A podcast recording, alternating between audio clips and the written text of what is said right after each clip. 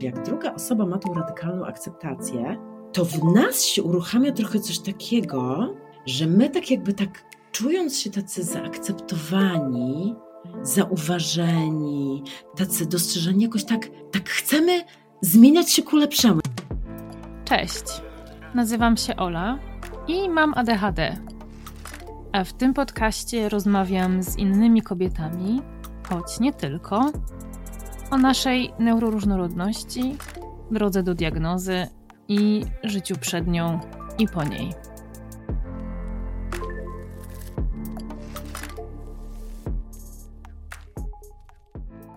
W związku z tym, że walentynki zapasem, postanowiłam zamienić trochę kolejność odcinków, które miałam zaplanowane i wypuścić tę rozmowę teraz, na kilka dni przed walentynkami właśnie. A to wszystko dlatego, że ta rozmowa była przede wszystkim o relacjach. A ADHD i relacje to temat duży, szeroki i skomplikowany. No i oczywiście nie mogłam do tego odcinka zaprosić nikogo innego jak Natalię Tur, czyli Niszkę. Natalia jest socjolożką, mediatorką, jest też w trakcie szkolenia psychoterapeutycznego, no i jest autorką książki Związek na zakręcie rozstać się czy być razem. Oczywiście większość z Was zna na pewno Natalię z internetu jako niszkę, bo to tu od 2013 roku na blogu, na YouTubie i na social mediach psycha edukuje ona i popularyzuje wiedzę o życiu w rodzinie i w związku.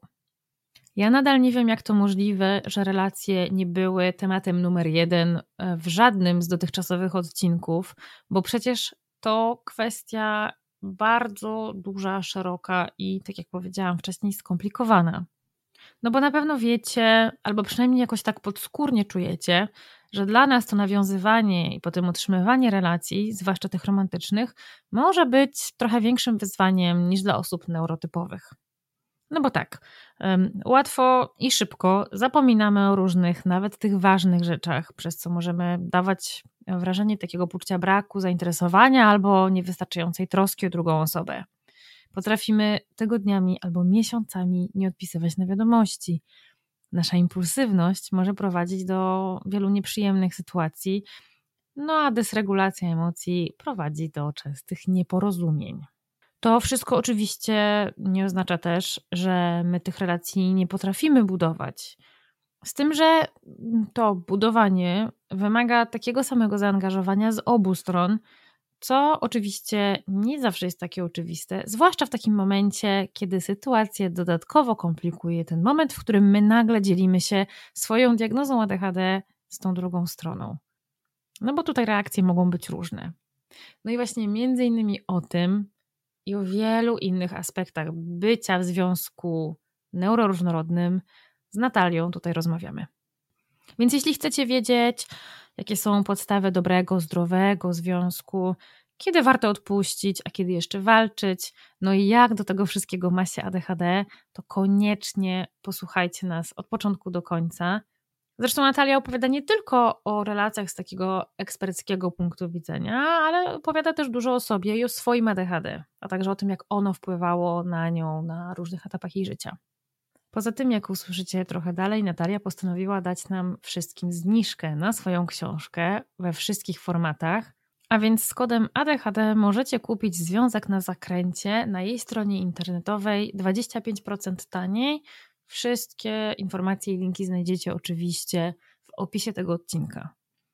E, rozmawiałyśmy tutaj też o mojej książce, która co prawda jeszcze się nie ukazała w momencie, kiedy ja ten wstęp do odcinka nagrywam, ani w momencie, kiedy ten odcinek się ukazuje, ale może w momencie, kiedy tego słuchacie, ta książka jest już dostępna. Jej tytuł to My, kobiety z ADHD i są to wybrane rozmowy z tego właśnie podcastu. Jeśli więc podejrzewacie u siebie ADHD albo niedawno dostałyście diagnozę, albo macie w najbliższym otoczeniu kogoś, kto to ADHD podejrzewa albo diagnozę ma. I jeśli nie słuchałyście, nie słuchaliście jeszcze wszystkich odcinków, zwłaszcza tych trochę starszych, to ta książka może być dla Was. Zresztą, moim zdaniem, ona jest świetnym prezentem na zbliżający się Dzień Kobiet. Żeby dowiedzieć się więcej, koniecznie zerknijcie do opisu tego odcinka. No i to już w zasadzie chyba tyle w kwestiach promocji, autopromocji. Na koniec jeszcze chciałam oczywiście standardowo bardzo, bardzo serdecznie podziękować wszystkim osobom, które do tej pory wspierały, wspierają mnie i ten podcast. Dziękuję za wszystkie subskrypcje, za wszystkie oceny wystawione na platformach podcastowych, za wszystkie wiadomości i komentarze na socialach. No i oczywiście za wszystkie wirtualne kawy, które postawiłyście i postawiliście mi na Buy Coffee. A jeśli macie ochotę taką kawę mi postawić, to link razem ze wszystkimi innymi znajdziecie w opisie tego odcinka. Cześć Natalia. Cześć Ola. E, powiedz mi, ile razy próbowałyśmy znaleźć, znaleźć czas na nasze spotkanie? Ojejku. Przyznajmy się. Tak, przyznaję się, myślę, że tak już to jest, to jest tak, no czwarty raz nam się udało, ale powiem Ci, że ja miałam tyle, takie miałam e, wyrzuty sumienia, że cały czas to przekładałam, no e, ale, ale z drugiej strony to dałaś mi taką, e, wiesz, przestrzeń, taką ulgę, że powiedziałaś, że wszystko jest okej, okay, to jest normalne, przecież mamy ADHD I, i, i to jest jedna taka moja, wiesz, refleksja, a druga taka refleksja jest, że pomyślałam sobie, że kurczę, to jest takie niesamowite, ale ja chyba pierwszy raz nie czuję takiego stresu, wiesz, przed rozmową, bo jednak okay. mimo, że ja jestem taka dość odważna, otwarta, to zawsze tego typu rozmowy mm, mnie stresują właśnie przez to, że mam różnego rodzaju blokady, jakieś, nie wiem, kompleksy, mm. czy tam takie wewnętrzne, krytyczne głosy związane z tym, że mam właśnie ADHD. E, czyli wiesz, ojejku, czy ja powiem to, co chciałam powiedzieć, czy ja nie będę mhm. nadpobudliwa, czy nie zapomnę. A tu sobie pomyślałam, ej, możesz być sobą, to jest po prostu podcast y, pro, prowadzącej, która ma ADHD. Słuchaczkami, słuchaczami są zwykle osoby tak. neurotypowe albo takie, które, nie wiem, mają bliskie osoby neurotypowe, więc mogę być sobą i to była taka ulga, że tak w ogóle, wiesz, e, nie miałam tego takiego e, stresu, mm. że nie muszę nakładać jakichś tutaj masek, tam się jakoś bardzo tak kompensować. Tak, ja zawsze zachęcam osoby, z którymi rozmawiam do tego, żeby się, żeby sobie steamowały, jeżeli tego potrzebują. Ja się cały czas kręcę. Ja już trze trzeci o, raz zmieniam ja pozycję. No, to też tak wcześniej, tak fajnie. Wcześniej siedziałam na takim krześle obrotowym i cały czas się kręciłam. E, tak samo jest u mnie w sesjach coachingowych. Ja zawsze mówię moim klientom i klientkom, słuchajcie, jeżeli czujecie, że musicie wstać i pochodzić, to wstawajcie i pochodźcie. Nie? Każdy, zdejmujcie maski. Tutaj nie ma miejsca na, tutaj nie ma miejsca na maski. Jest Super, właśnie, przestrzeń. No właśnie, bo ty robisz sesje coachingowe właśnie dla osób z ADHD, tak? No tak, no tak. Super. To niedawno robię, robię, robię. E, I powiem ci, że no jest to, e, znalazłam się w tym bardzo. Mhm. Znalazłam się to bardzo, da, daje mi to ogromną satysfakcję, bo od początku moją misją było tak, chciałam pomagać innym mhm. osobom, które mają albo miały tak jak ja i czułam, że ten podcast to jest za mało. Um, mimo, że no, wiem, bo dostaję wiadomości, wiem, że ten podcast e, pomaga. E, dziewczyny piszą mi, i nie tylko dziewczyny zresztą, że, że mają takie poczucie, że E, no, odnajdują się w tych historiach. Ale to było za mało. Czułam, że mhm. muszę zrobić więcej. Że tak. Ale nie o mnie, nie o mnie. Nie, ale wiesz co, dobrze, ale, ale wiesz, no moim zdaniem to jest wspaniała rzecz, że naprawdę, no bo to, bo to już, y, znaczy ja y, myślę, że nie umniejszaj absolutnie roli y, podcastu twojego, bo to jest psychoedukacja, właśnie ta możliwość utożsamiania się ze, z mm. rozmówczyniami, tak. myślenia sobie właśnie, że nie tylko ja tak mam, e, że to wszystko jest związane głównie z tym, że w taki sposób funkcjonuje nasz mózg, a także tej tak. całej socjalizacji, kiedy ja ostatnio e, naprawdę mm, byłam taka przyjęta tym, e, gdy przeczytałam, że e, osoby z ADHD, począwszy od dzieciństwa do, do dorosłości, otrzymują od, od otoczenia aż 20 tysięcy komunikatów takich krytycznych, e, tak. więcej niż osoby neurotypowe. Tak. Więc tak. my po prostu jesteśmy tak poblokowani, z drugiej strony przez tą swoją impulsywność, że tam coś najpierw zrobimy, powiemy, chlapniemy, coś się poruszamy. Mm. Ojejku, nie, to to jest, wiesz, to, to jest, to jest um, mega rzecz, że właśnie psychoedukujesz, ale też właśnie tak jak mówisz, no chciałaś też pomóc, więc mm. ja bardzo Ci kibicuję i rozumiem, że jeżeli o, ktoś dziękuję. jest zainteresowany, to się po prostu ma do Ciebie odezwać, tak? Zgadza się, mhm, zgadza super. się.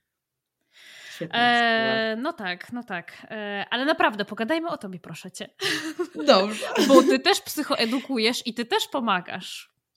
Ojejku, no tak, no staram się y, y, psychoedukować. Ostatnio jakoś tak się bardziej skupiłam na takich relacjach mm, międzyludzkich, takich bardziej trochę romantycznych, związkowych, chociaż też co jakiś czas wrzucam y, rzeczy związane z ADHD i widzę, że naprawdę jest mega duże zainteresowanie.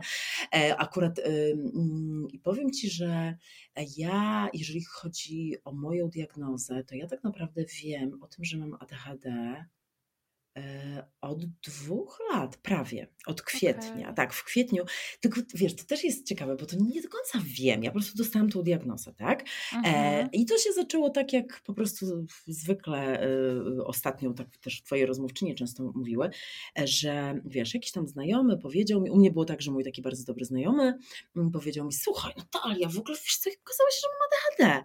Mhm. I wiesz, ja mhm. wtedy, no oczywiście, no przecież on jest typowym przykładem ADHD. Tam zaleci, dał mi tam wskazówkę, kontakt do psychiatry, test i to wszystko poszło mhm. szybciutko, e, e, ale e, ja tak naprawdę nie byłam w ogóle zaskoczona. Czyli tak jak tutaj wiem, że często towarzyszy osobom właśnie ta, to zaskoczenie, że tam tak. im się to wszystko układa. Ja nie byłam zaskoczona, bo ja byłam od dzieciństwa książkowym przykładem ADHD i to u mnie jeszcze jest ta nadpobudliwość, tak? U mnie jest po prostu Aha. wszystko. Nadpobudliwość psychoruchowa, ja byłam zawsze taką dziewczynką, która po prostu biegała, skakała, miała tam 15 razy złamane ręki, nogi, wszystko. E, I co ciekawe, moja mama, to jest w ogóle dla mnie niesamowite, wiesz, że moja mama zdiagnozowała, zrobiła diagnozę mojemu bratu, który teraz ma 30 lat, a wtedy miał z 8, czyli to było 22 lata temu, wow. czyli to było naprawdę dawno. I ona zrobiła diagnozę mojemu bratu. Aha. I jeszcze pamiętam, jak wiesz, edukowała, wiesz, nauczycieli, a to wiesz, to były takie czasy w ogóle, no wiesz, tam 22 lata temu to niewiele się o tym wiedziało. No, I taka też anegdota, że wiesz, że mówiła, że e, rozmawiała z nauczycielką mm, tam nauczania początkowego i mówi, że e, właśnie, no tutaj syn ma ADHD, tam no, tłumaczyła, czym jest ADHD i że na przykład mm, bardzo fajnie, żeby pani angażowała go w jakieś zadania, na przykład, nie wiem, zatrzeć tablicę, iść po dziennik, bo wtedy jeszcze nie było elektronicznego, e, też na pierwszej ławce, tak, a nie na ostatniej z kolegami. Aha, I tak, wiesz, tak podsuwała takie wskazówki, a jedna z nauczycielek mówi, ADHD? Tak, tak, tak, ja coś tam słyszałam, tak, tak, ja wiem. U mnie w rodzinie jest zespół Downa, tak. Tam ADHD, zespół Downa, tam, jest, tak, tak, wszystko tak. jest, no, dokładnie.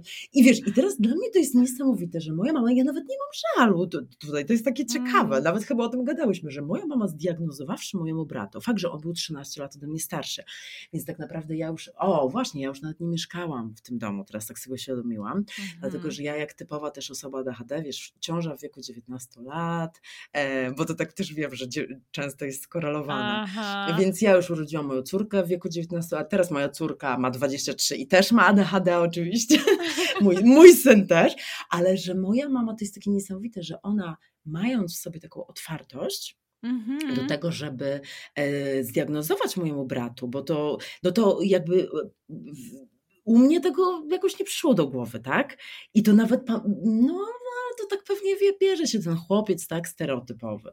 Więc powiem Ci, że z jednej strony nie miałam, nie byłam zaskoczona, ale z mhm. drugiej strony mam takie poczucie, że nawet jeżeli chodzi o taką moją drogę psychoterapeutyczną, e, powiem Ci, że ja, ja poszłam pierwszy raz na psychoterapię gdzieś tak z 9 lat temu, nie mhm. mogąc sobie radzić z, z jakąś tam takim pewnym impulsywnym zachowaniem w, w, w, w moim życiu. I ja właśnie i, I, nikt mi nie powiedział, kurczę, nikt mi, do, nikt mi żaden terapeuta, mm. e, to był nurt psychoanalityczny i potem i gestalt, tylko że to było no właśnie tak sobie myślę, 9 lat temu, nikt, nikt nie powiedział o ADHD. I ja tak sobie myślę, że to mm. byłoby naprawdę mega pomocne, bo ja zawsze wiedziałam, że to jest, wiesz, impulsywność, bo ja zawsze miałam straszny problem z impulsywnością w różnych mhm. dziedzinach życia, że nawet pojawiało się jakaś taka sugestia jakiegoś e, psychiatry, że może to jest choroba dwubiegunowa. On...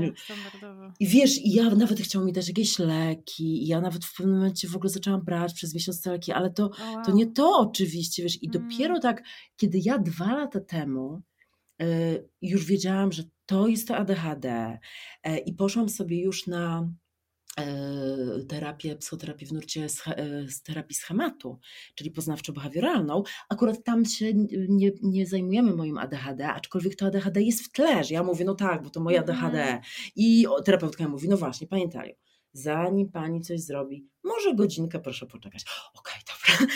I wiesz, ale tak, mhm. przepraszam za tą rozbudowaną wypowiedź, nie? ale, e, ale właśnie, dokładnie. Ale chcę powiedzieć, że po prostu to jest raczej moja, moja złość, że tak sobie myślę, ale taka, wiesz, taka złość, taka, nie aż taka wielka, ale taka trochę, że byłoby mi łatwiej, nie popełniłabym więcej błędów, mhm. gdybym wcześniej wiedziała, że to jest ADHD, a nie, że ja jestem jakaś, wiesz, właśnie taka wiesz, wariatka, tak, impulsywna, mhm. jakaś taka nieogarnięta, że to nie jest żadna choroba, yy, tylko właśnie zaburzenie.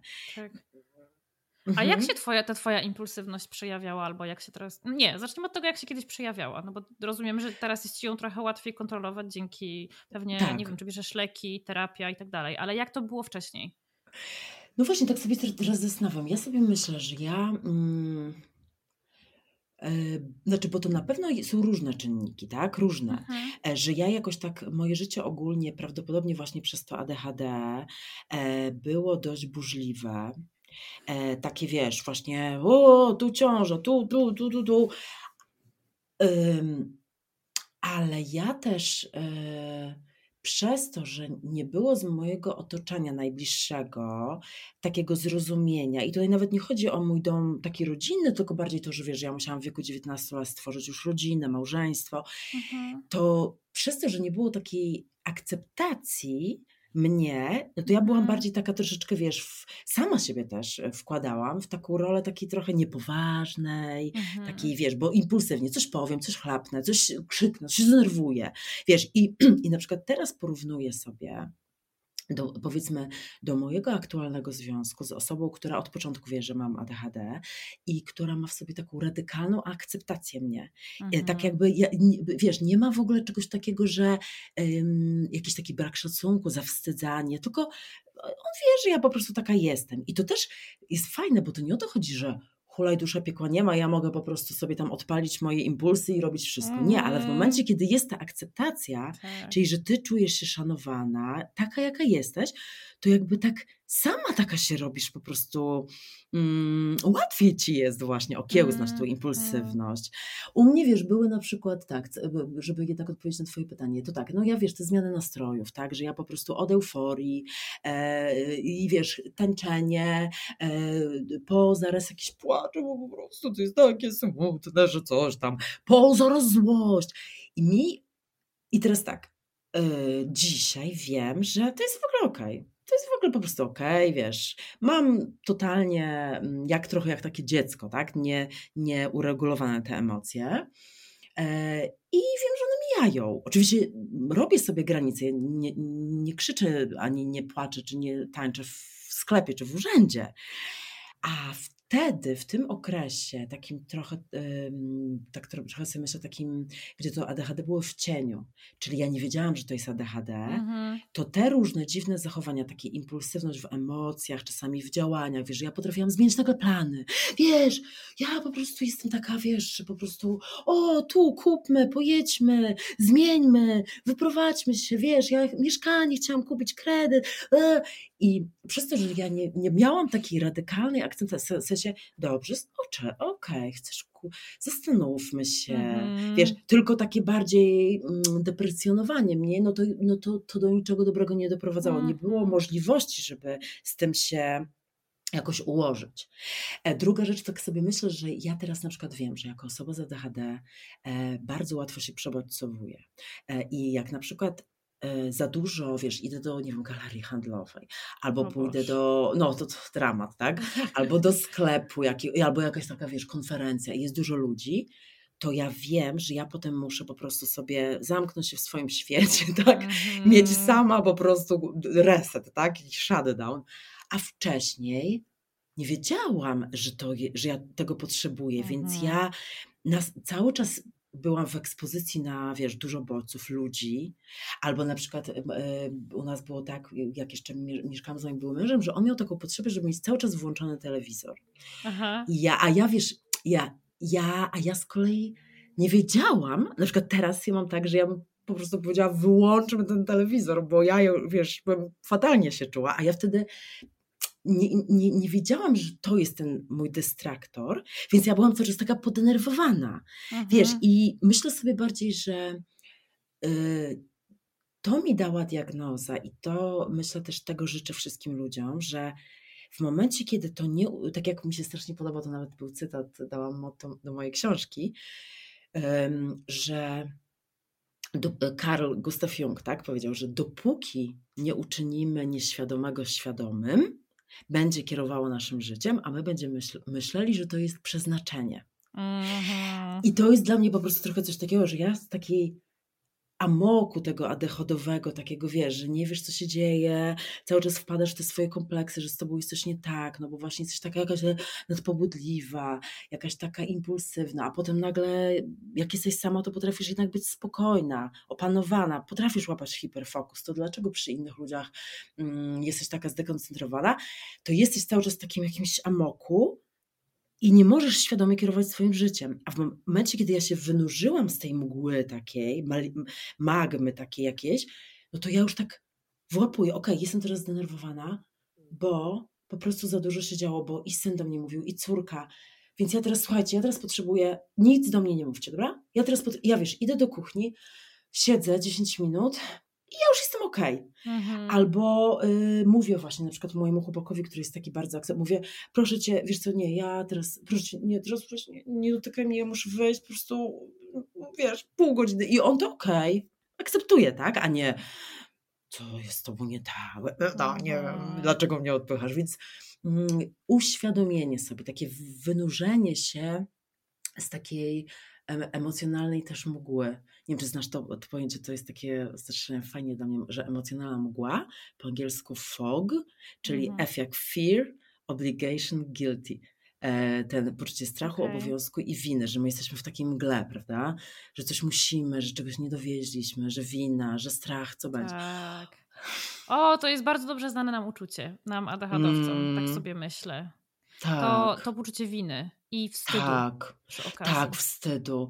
I wiesz, i z wstydem to też, e, powiem nie wiem, czy słyszałaś, to tak mną wstrząsnęło. Ja kiedyś przeczytałam taką książkę na studiach też, jak studiowałam, psych, e, byłam na szkoleniu psychoterapeutycznym i tam pani powiedziała o źródłach e, przemocy w rodzinie. Mhm. I powiedziała jakiejś książce, Powiedziała, że już ta książka jest niewydana, ciężko ją kupić. A ja oczywiście, wiesz, jak to ADHDowiec, przemoc w rodzinie. O, jeden jest egzemplarz na Allegro. Za jakieś tam, wiesz, 80 zł oczywiście kupuję, no bo mhm. muszę, wiesz. Kupiłam tą książkę i potem od razu też myślę, Boże, po co ty ją kupiłaś za 8 tych ta książka? Ale bardzo się cieszę. Słuchaj, bo tam koleś, chyba Daniel Dutton, jakoś coś w tym stylu, opisuje takie hardkorowe e, przypadki przemocy, znaczy y, nawet nie wchodząc w szczegóły, ale w ogóle, kole, bo to zwykle mężczyźni, takich totalnych przemocowców, którzy nawet, e, wiesz, mordowali, tak? I mhm. okazuje się, że każdy z nich, no chyba, że już jakaś tam osobowość była psychopatyczna, on był w dzieciństwie zawstydzany. I wstyd, i tutaj y, y, chcę to nawet taką analogię do nas ADHD-owców, dlaczego my mamy na przykład czasami problemy z gniewem, bo wstyd to jest taka emocja, zawstydzanie, w sensie z czym do ludzi, jak ty wyglądasz, Jezu, co za bałwan, Boże, czy ty nie możesz się wziąć w garść i mówić jak człowiek, czy ty nie możesz siedzieć w miejscu. Takie, prawda, mhm. zawstydzanie, które potem my internalizujemy jako wewnętrzny głos, sami sobie tam gadamy. Tak. To uczucie wstydu roz, jest takie emocja, ten koleś tak tłumaczył, autor tej książki, że on ono dezintegruje człowieka na tysiąc kawałeczków. Tak jakby po prostu rozwala. Mm. I on się cofa, tak jakby był takim bezbronnym, prawie że niemowlęciem. To jest taka regresja, że jesteś już tak, jak jesteś zawstydzony, to jesteś po prostu zdezintegrowany. I co może człowieka zintegrować ponownie? Coś mega, mega silnego. Więc mm. nawet nie, że złość, ale już po prostu, wiesz, furia, wściekłość. Mm. I oni zwykle właśnie na przykład bijąc y, te partnerki, czy mordując nawet, kiedy w tym poczuciu wstydu, bo im się tam coś z, e, z, e, z, dzieciństwa przypominało, jak ten ojciec zawstydzał i tam jeszcze była figura matki, która zwykle obojętna była, czyli mhm. ta, e, ktoś cię zawstydza a, i nikt nie staje w twojej obronie. Jakoś te sytuacje w stylu, o tam partnerka rozmawia z innym i pewnie yy, mnie już tu zdradza, przypominało im tą traumę z przeszłości, mm. no i wrzucało ich w taką wręcz dysocjację. Więc jakby może sięgnęłam po zbyt mocny przykład, ale chodzi mi o to, że ja, tak i myślę sobie, że wiele osób nas słuchających może też, bo ja, jak mnie spytałaś o tą impulsywność, ja miałam problem też z gniewem, że mnie po prostu, tak. wiesz, wkurzały moje dzieci i w ogóle... A ja teraz wiem, że to właśnie za tym stał wstyd taki. Mhm po prostu, że ja byłam, ja się czułam zawsze niewystarczająco dobra, że dlaczego ja nie mogę jak człowiek usiąść, no i tak właśnie. To jest bardzo ciekawe, co mówisz, ja tego nigdy nie połączyłam jednego z drugim, ale rzeczywiście to mhm. ma bardzo dużo sensu, bo, hmm. bo, bo my, tak jak na początku powiedziałaś, my tej negatywnej informacji zwrotnej dostajemy tak dużo, tak. że my zaczynamy dokładnie tak o sobie myśleć i rzeczywiście my, my się bardzo dużo wstydzimy.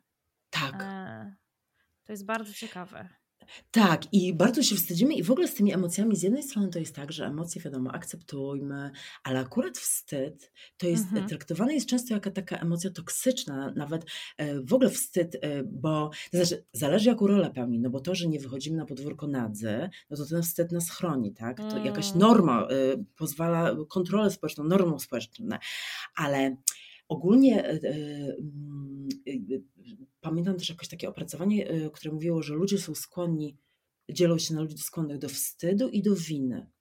I e, taka jest troszeczkę różnica, że jeżeli czujemy się winni, ale oczywiście też nie w ten taki fogowy, ten mglisty, że wina już jest coś beznadziejna, tylko że wina to jest taki trochę kompas, który mówi ci, źle zrobiłam, na przykład nakrzyczałam teraz na e, mhm. dziecko, tak, czy na męża. E, kurczę, źle zrobiłam, słabo i ja chcę to naprawić. Mówię, słuchaj, sorry, przepraszam cię, po prostu kurczę, no nakrzyczałam na ciebie i nie powinnam tak robić, przekroczyłam twoje granice i e, będę nad sobą pracować, tak? E, e, I wiesz, i możemy coś zrobić, a wstyd to zwykle jak ogarnia nas, to, to, to, to jesteśmy już tak się czujemy beznadziejni, że my nie mamy tej takiej dorosłości w sobie, żeby tak właśnie wziąć tak. i wziąć za odpowiedzialność za siebie, tylko właśnie mówimy na przykład albo idziemy w jakieś takie właśnie agresje, no bo, no bo ty jesteś taki owaki, tak? Wiesz, albo mm -hmm. no bardzo to jest ciekawe. E... A jak dzisiaj z tym jest u ciebie? Z tym takim poczuciem wstydu, takiego adechadowego, wiesz, takiego, że nie jestem wystarczająco jakaś. O, nie, w to wiesz, to, to powiem ci, że ja naprawdę e, mam takie poczucie, że ja jakoś tak, wiesz, mi się ta diagnoza moja troszeczkę połączyła z e, zakończeniem tej dwudziestoletniej e, mhm. mojej, mojego małżeństwa. I tutaj absolutnie nie chcę powiedzieć, że o, tutaj mój były mąż jakiś był źródłem zła, tylko że nasz związek po prostu, tak, przestał w pewnym momencie niestety dobrze funkcjonować. No on od początku jakoś tak bardzo specyficznie funkcjonował i ja też myślę sobie, że gdyby, że tutaj bardzo dużą rolę odegrało właśnie niezdiagnozowane moje ADHD. Ja myślę, że mój były mąż też na pewno, tak myślę, no nie mam pewności, bo nie miał diagnozy, ale on też nie, nie jest ne, neurotypowy. Mhm. I, e, I my mm, po prostu, wiesz, trochę jak takie dzieci, które już tak zostały wrzucone w wieku tam bardzo młodym w rodzinę, nie mogą sobie radzić z tymi emocjami, z tą impulsywnością, z no tymi tak. chaosem, wiesz, ludzie partnerzy osób z ADHD, a ja byłam takim typowym, nie są, jeżeli nie ma właśnie tej takiej um, radykalnej akceptacji, takiej empatii, takiego zrozumienia, właśnie tego takiego szacunku, takiego, że właśnie nie, absolutnie nie zawstydzania, krytykowania, no to ja myślę, że są trudnymi partnerami. Mhm. Ja myślę, że ja, ja byłam trudną partnerką, ale z drugiej strony wiem, że my razem pracowaliśmy na to, tak? Bo związek to jest taki byt dynamiczny. Mm, I i, ale poczekaj, bo ja straciłam troszeczkę wątek. A, bo jak ja teraz. Nie, mhm. to ja teraz nie, nie powiem Ci właśnie, że z jednej strony dlatego, że y, mam tą diagnozę, a z drugiej strony dlatego, że jakby zaczęłam swoje życie na nowo i akurat mi się tak fajnie zbiegło, że mhm. wiesz, z tą diagnozą, to ja teraz czuję, że jestem w totalnie innym punkcie życia, że okay. jakby takim właśnie mega świadomym, takim właśnie, że ja się tak trochę wynurzyłam e, z takiego jakiegoś, że jakaś siła mnie niosła, tak, taka dziwna mhm. właśnie.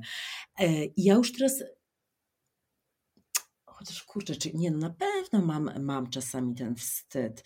Aczkolwiek wiesz, ja się otaczam ludźmi, teraz tak zauważyłam, jednak w Mhm. mojej bańce są ludzie po prostu neuroróżnorodni. E, Carrie Golden, która była twoją Mhm. rozmówczynią, e, to jest moja e, w- e, wspaniała przyjaciółka, jej mąż też nie jest neurotypowy.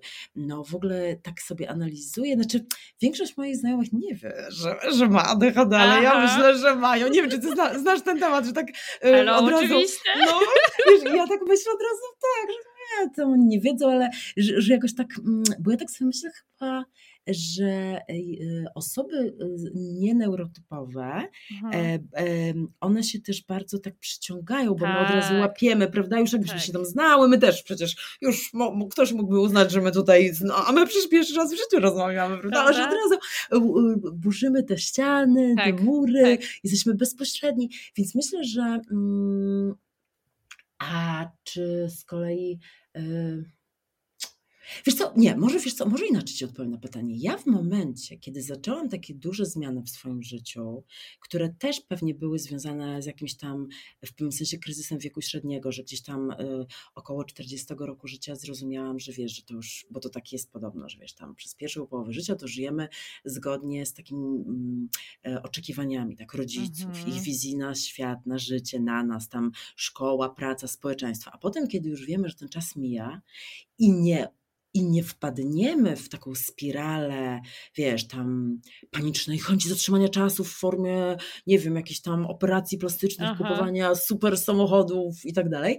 tylko tak wej- wejrzymy w siebie, to nagle czujemy, że ej, kurde, już gdzieś tam połowa, więc to jest ten moment, w którym mm, chcę zacząć żyć jak, e, jak, jak chcę, bo, bo to jest Mhm. moje życie. I ja teraz mam w swoim otoczeniu ludzi, którzy, mm, z którymi mam proste relacje.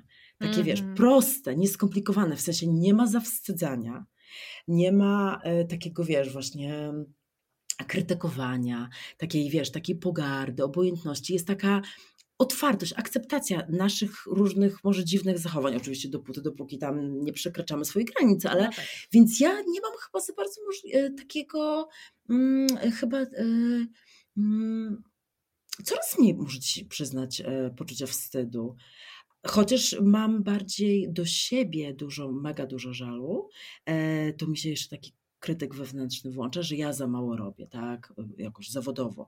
Powinnaś, wiesz, wycisnąć więcej. Mhm. Yy, znowu tam ja na przykład, wiesz, no nie wiem, dobra, od teraz już zaczynam mieć sumienia, że za dużo gadam.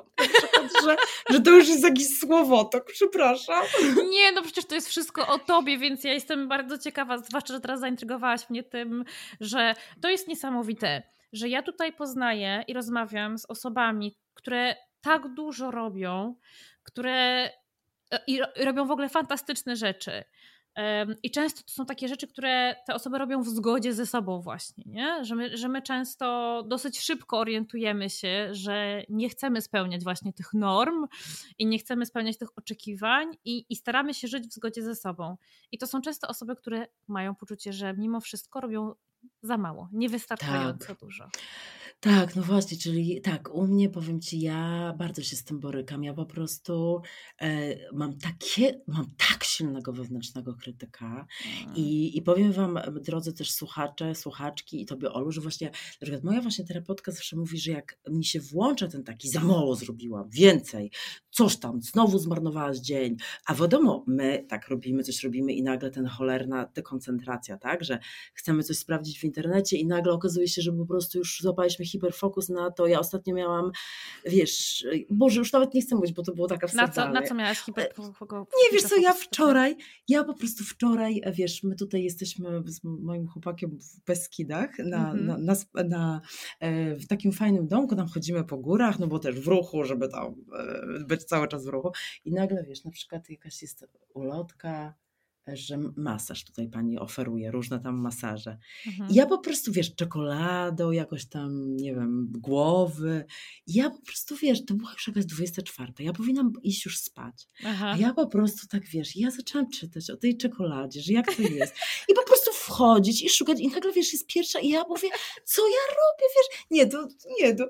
No, w każdym razie i zawsze jak jestem wewnętrzny mm, krytyk, e, to Moja terapeutka zawsze mówi, ja też Wam to mogę powiedzieć, żeby zawsze tak się po pierwsze zastanowić, że z kim nam się ten głos kojarzy, mm-hmm. bo to mhm. zwykle jest, prawda, albo rodzic jakiś. To najczęściej a... nie jest nasz głos. Dokładnie, prawda? to nie jest nasz głos, dokładnie. I my go aż tak właśnie zinternalizowaliśmy, że jesteś mm. roztrzepana, znowu nie doprowadziłaś rzeczy do końca, czy ty możesz być w końcu poważna, czy możesz wziąć się w garść, i tak, Okej, okay. i to czasami pomaga, jak wiemy, y, kto, do kogo należy ten głos, ale przede wszystkim trzeba powiedzieć coś takiego, okej, okay, słyszę, co do mnie mówisz, ale nie mhm. interesuje mnie to, wyjdź stąd. W sensie po prostu nie, nie wchodzimy z nim w dyskusję, nie mówimy, jak to przecież dużo zrobiłam, wcale nie, ani nie kulimy się, tylko po prostu idź sobie stąd. Nie chcę ciebie słuchać. No i wiesz, no ja tak, więc u mnie to bardzo pracuje. Ja po prostu mm, teraz na przykład pracuję nad drugą książką i ja po prostu cały czas tak się e, tak się po prostu, tak biczuję, wiesz, jestem mm -hmm. taka ostra, że Boże, jeszcze nie zrobiłaś jeszcze, nie gotowa. Jezu, ile tu można po prostu. I wiesz, i tak się kojem, straszne to jest. No, a, a powiedziałabyś swojej przyjaciółce, gdyby tak pracowała nad książką, powiedziałabyś jej to samo, takim samym ton, tonem? No, no właśnie, tak, to jest super, że powiedziałeś, to jest trzecia e, tak rada wspaniała, że wyobraź sobie, że ktoś, twoja mm. przyjaciółka ci mówi i czy ty jej tak powiesz? No nie, mm. no. A tak ciężko nam po prostu wobec siebie taki życzliwy głos. Prawda, prawda? Mm. To taka łagodność i to tak. takie self-compassion, to, to tak. nam przychodzi najtrudniej. Dokładnie. A wiesz, a ja nawet tak sobie właśnie przed naszą rozmową zapisałam parę rzeczy, e, które chciałam właśnie powiedzieć, że mhm. e, moim zdaniem e, w relacjach właśnie, jeżeli mamy się właśnie skupić na tych na przykład romantycznych, prawda, osób z ADHD, to tak jak powiedziałam wcześniej, mega, mega robotę robi taka radykalna moim zdaniem akceptacja, że w sensie mm.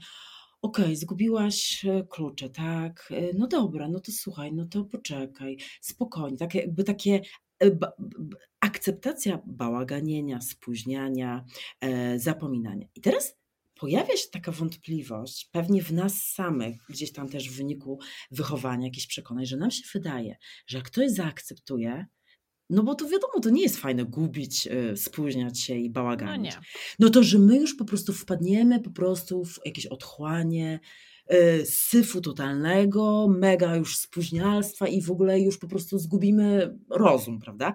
Nie, właśnie coś takiego jest magicznego, że w momencie, kiedy druga osoba mm, jakby e, czy to rodzic w dzieciństwie, czy potem na przykład wspierający partner, czy właśnie przyjaciel, da wam taką przestrzeń, da nam lub my mu damy, taką, że nie będziemy właśnie, kurde, serio zgubiłaś? Nie, no dobra, wiesz co, ten bałagan, ale weź to, kurde, ogarnij. Czyli ten, ta bliska osoba będzie tym krytykiem zewnętrznym, mm-hmm. to, to by na, no bo to jest w ogóle taka fajna jakaś jest metafora, że z dziećmi tak przecież jest, tylko to jakoś tak fajnie tak było powiedziane, że przecież, tylko nie pamiętam jak, że jak dziecku e, zacznie się, wiesz, kry, kry, krytykować jego zachowanie, to to mhm. nie powoduje, że ono się zaczyna zachowywać dobrze. No Właśnie taka pochwała, a jeszcze zwłaszcza u nas osób, kiedy mamy te mm, mega problemy z dopaminą, to my po prostu dla nas każda ta krytyka jest taka jeszcze bardziej po prostu właśnie i ten mhm. wstyd i my już się czujemy beznadziejni i to, to w żaden sposób nas nie zmobilizuje. No dobra, to ja może będę już, nie będę bała, to ja już może nie będę bałaganić, tak? Wiesz co, przeczytałam kiedyś, w, w, czytałaś książkę Miłość za DHD? Ten, ten poradnik e, dla, e, Tak, wiesz co, powiem Ci, e, tak, wiesz co, ja mam nawet właśnie tą książkę, ale Co o niej myślisz? Dla... Bo ja ją uwielbiam. A, uwielbiasz, widzisz, a ja właśnie tak średnio. Okej. Mi się podobała ta brudna pranie, mam ją. Okay. E, chociaż nie, nie wiem, czy czytałaś tą brudne pranie. Czytałam, czytałam. Chociaż wiem, że ta brudna pranie jest krytykowana trochę, bo jest. ona tak jakby, bo ona jest trochę, że się robi tak, y, y, że nieporadną trochę, tak? Z, tak, za DHD. Tak, tak, tak. a tak, widzisz, a ja kurczę jakoś tak, bo ja właśnie o niej pisałam i tam właśnie dużo było takich sygnałów, ale ja, a ja powiem Ci, że jak ja ją przeczytałam, to ja aż się wzruszyłam, Dlatego, ale ja wiem dlaczego. Dlatego, że ja w ogóle nie miałam właśnie takiego wspierającego partnera przez 20 lat. W sensie Mm. e, i dla mnie to było e, i to i to ja nigdy nie byłam, nawet teraz nie jestem, jak już mam wspierającego partnera, y, e, tak jakby jeżeli chodzi o ADHD, mówię oczywiście, mm, wspierającego, że ja nigdy nie miałam skłonności, tak jak może ta bohaterka tej książki, do takiej robienia z siebie ofiary. Ja Mhm. jestem po prostu takim typem, wiesz, ja to Zosia wszystko... Samosia. Zosia Sam... O, taka Zosia Samosia level hard, że ja się teraz uczę, wiesz, poprosić, po... Więc... Yy... A ta z kolei książka Miłość z ADHD, o której mówisz, Mhm. co właśnie, kurde, ja nie wiem o co chodzi, że dlaczego ja Ja Je- Jestem ciekawa problem. teraz, bo ja ci powiem, dlaczego ja ją bardzo lubię. No. Bo przeczytałam tam wiele bardzo mądrych rzeczy, które wiedziałam już, ale ta książka była pierwszą książką, która tak to na plan pierwszy, na pierwszym planie postawiła. Że pochwały? Żeby chwalić, A, żeby chwalić rację, partnerów, tak. to jedna rzecz, a druga rzecz, żeby się bawić. Żeby się bardzo dużo bawić. Okej, no to sup, no to słuchaj, no to I rzeczywiście. ta zabawa to była jedna z pierwszych rzeczy, której, której ja się nauczyłam na kursie coachingu ADHD. Wow. Że tej zabawy w naszym życiu ma być dużo. Że, wow. że, że jeśli jej nie będzie, to nam będzie bardzo trudno. Że my, Wow. nasze mózgi po prostu nie są w stanie funkcjonować na samych obowiązkach. Nie? No tak, bo I my u o tym zapominamy często jako dorośli No ludzie. tak, dokładnie. Ale to jest, no to tak, no tak, bo my, my, osoby z ADHD, to możemy tak, albo zajmować się tym, co jest mega ekscytujące właśnie, czyli zabawa, Mhm. albo mega pilne, czyli już w ostatniej chwili, albo Tak. mega, poczekaj, jakie? Mega, bo na pewno nieważne. ważne to, dla słowo ważne to, to, to niewiele robi. Znaczy, To musi być dla nas ważne z jakiegoś powodu. To, musi- znaczy, to tak. musi być jakieś zgodne z naszymi, z naszą intencją jakoś, albo z naszym zainteresowaniem, nie? mhm. W ten sposób ważne. Dokładnie, tak, tak, że wa- albo my na przykład, wiesz, jesteśmy tymi e, poża- ga- gasiciele pożarów, że jeżeli już Tak. naprawdę coś się wali, Tak, no to tak, my tak, po tak, prostu, tak, proszę bardzo, wszystko zrobimy, tak? Albo ale- możemy dla kogoś coś zrobić. Tak, dla kogoś, oczywiście, tak, że nie ogarniamy po prostu szafy, ale jak już jest tysiąc problemów, to proszę bardzo, hiperfokus, rozwiązanie, tak. Ale wiesz co, tak, z tą zabawą, to super, y, że o tym powiedziałaś, to rzeczywiście, i tak teraz sobie przypominam, rzeczywiście, o, e, to ja zwracam honor dla e, autorów czy autorki, e, autorki książki Miłość z ADHD, bo mm, rzeczywiście tak, tam było dużo o pochwałach i to też mi mega pomogło, bo z jednej strony mam taki, miałam taki trochę zgrzyt, bo Dużo się mówi, zwłaszcza tak pedagogicznie, że tam nie można za dużo dzieci chwalić, bo one Mhm. będą takie zewnątrzsterowne. Ale jej argument o tym, że mm, my po prostu mamy tak, takie niedobory dopaminy, że my potrzebujemy tej, tej nawet dobrego słowa, tak? Że Tak. ale super posprzątałaś, ale super zrobiłaś. I rzeczywiście ja na przykład teraz właśnie w, w mojej relacji, mój chłopak jest taki bardzo taki właśnie, y, tylko on to robi tak intuicyjnie, on nawet nie, nie wie, że to tak działa. On jest taki Mhm. Właśnie, o, jakie super, o, jaka fajna kanapka, o, jak fajnie coś tam, że poszli. Takie drobne rzeczy i to mnie rzeczywiście tak dopala mm, po Mhm. prostu.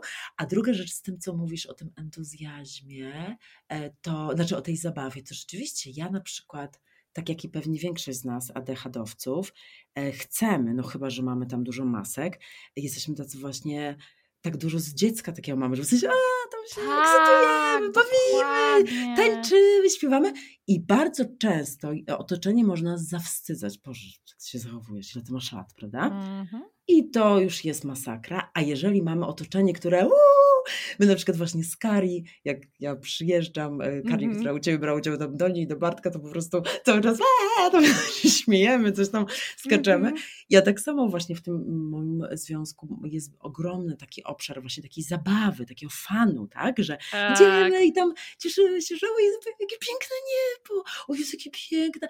I to naprawdę daje po prostu mm, dużo, y, żeby dać sobie y, od tego do tego prawo, zielone światło, prawda? Aha. Ja się na przykład z moim mężem codziennie bawię. My się codziennie Wow. bawimy. My jesteśmy jak dzieci. Super, ale ja na przykład, To że w sensie... cudowne, y, kocham to. Ale bawicie, że w sensie, że wygłupiacie, Aha. że jak nasz? Aha. Aha, wygłupiamy się, czasami się ganiamy po mieszkaniu, Super. skaczemy, tańczymy, po prostu wiesz, co nam przyjdzie do głowy. Wow. I czasami jak mam trudny dzień i potrzebuję przerwy w pracy, pracujemy zdalnie obydwoje, najczęściej jesteśmy w domu, mm. to po prostu mhm. idę do niego do, do pokoju, pukam i przez 15 minut się bawimy. Ale super! A mąż też ma ADHD? Wiesz co, y, on nie ma żadnej diagnozy, ale wydaje mi się, że on ma i trochę ADHD, i trochę jest w spektrum. A wiesz co, mi się wydaje, ja mam taką teorię, mm -hmm. że i tutaj też z moimi właśnie przyjaciółmi, że po prostu e, chyba nie ma za bardzo opcji, wiesz, jeszcze nie ma na to badań, ale że nie ma chyba opcji za bardzo, żeby osoba e, neuroatypowa była w związku z sobą neuro... Znaczy może, ale że zawsze musi być, tym bardziej, że to już się mówi tak, nie do końca jest wielka różnica tam ADHD, autyzm, bo to są te spektra, tak. ale mi się wydaje, że trudno byłoby, bo mm, to jest na tyle właśnie taki troszeczkę inne te Wi-Fi mózgowe, Aha. że też, też mi się wydaje, że to, że to chyba, jak ja zawsze analizuję związki, nawet mieliśmy taką zabawę, że a ci, no tak, a on na pewno trochę no. autyzm. Tak, że tam trochę, my tak się wiesz, zgrywamy. A ten, no tak, no oczywiście, że ADHD. No, no ci, no tak. I już tak sobie znajdujemy mm. pary, że nie ma opcji chyba. Mm. Czyli co? Czy nie, nie mam co pytać? Twój partner jest, e, nie jest o, Oczywiście co, o, to znaczy on, wiesz, też on nie ma diagnozy, mhm. on ma super strategie zaradcze, e, w sensie, że on ogarnia, wiesz, przypomina, ale on ja, moim zdaniem na bank ma, bo on ma po mhm. prostu taki umysł, że on tak po prostu się szybko przestawia, zmienia, zapamiętuje jakieś rzeczy, ale też musi przypominać, przypominać i przede wszystkim może ze mną właśnie też ta przestrzeń do zabawy, frajdy, że ja się, tak jak ty mówisz, ja się czuję, że czasami my mamy, wiesz, my jesteśmy już naprawdę nie młodzi, bo ja mam 42, 45, a my się po prostu zachowujemy czasami jak takie nastolatki, właśnie idziemy, właśnie tak już biegniemy, mhm. tańczymy, ale nie, że tylko, że on ma i to też mi się wydaje, że to jest taka ciekawa rzecz nawet dla osób, które nas słuchają, że mm, czasami jest tak, że, że gdy to zaburzy, no, no chociaż nie powiem że nawet mam taki problem, że mówić zaburzenie. Mam, mam, mam podobny no, problem. To już jest mhm. taki, nawet wiesz, ostatnio taka moja, już nie będę mówiła dokładnie, ale moja bliska osoba powiedziała mi, że no, że tam zdiagnozowała e, syna, że no, że okazało się, że ma autyzm. A ja tak w pierwszej chwili, super! Wiesz, tak, Prawda? Ja już mam takie, dokładnie, gratulacje, że ja mam taki, wiesz, że my jesteśmy, że autyzm, ADHD jak takie elfy, wiesz, tak, że, tak, taki, tak, że to tak. jest super, że to w ogóle i, i ja, ale wydaje mi się, że właśnie część osób, na przykład tak właśnie jak mój chłopak, on nie ma w związku z tym w tym obszarze mu to w żaden sposób nie utrudnia życia, bo on sobie mm. tak ułożył, ma takie strategie zaradcze, e, właśnie system przypominania, że on mu to po prostu nie przeszkadza, więc on tak. nawet myślę, że on nigdy żadnej diagnozy nie będzie miał. Natomiast mi to przeszkadzało. Ja, ja biorę leki, tak? Ja, ja biorę leki i e, w sensie te, wiesz, wspierające. Mm, mhm. Skupienie, mm, więc e, no, u mnie to jest na tyle prawdopodobnie, wiesz, no tam dużo jest pewnie czynników, jakieś środowisko, na, na.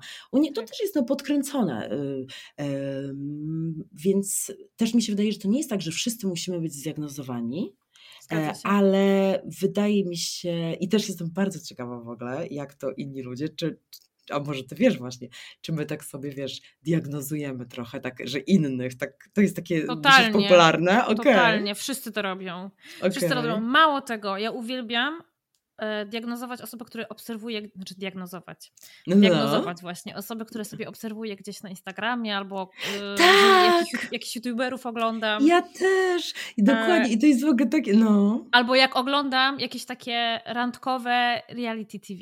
Bo tam Aha. jest zawsze duże pole do popisu.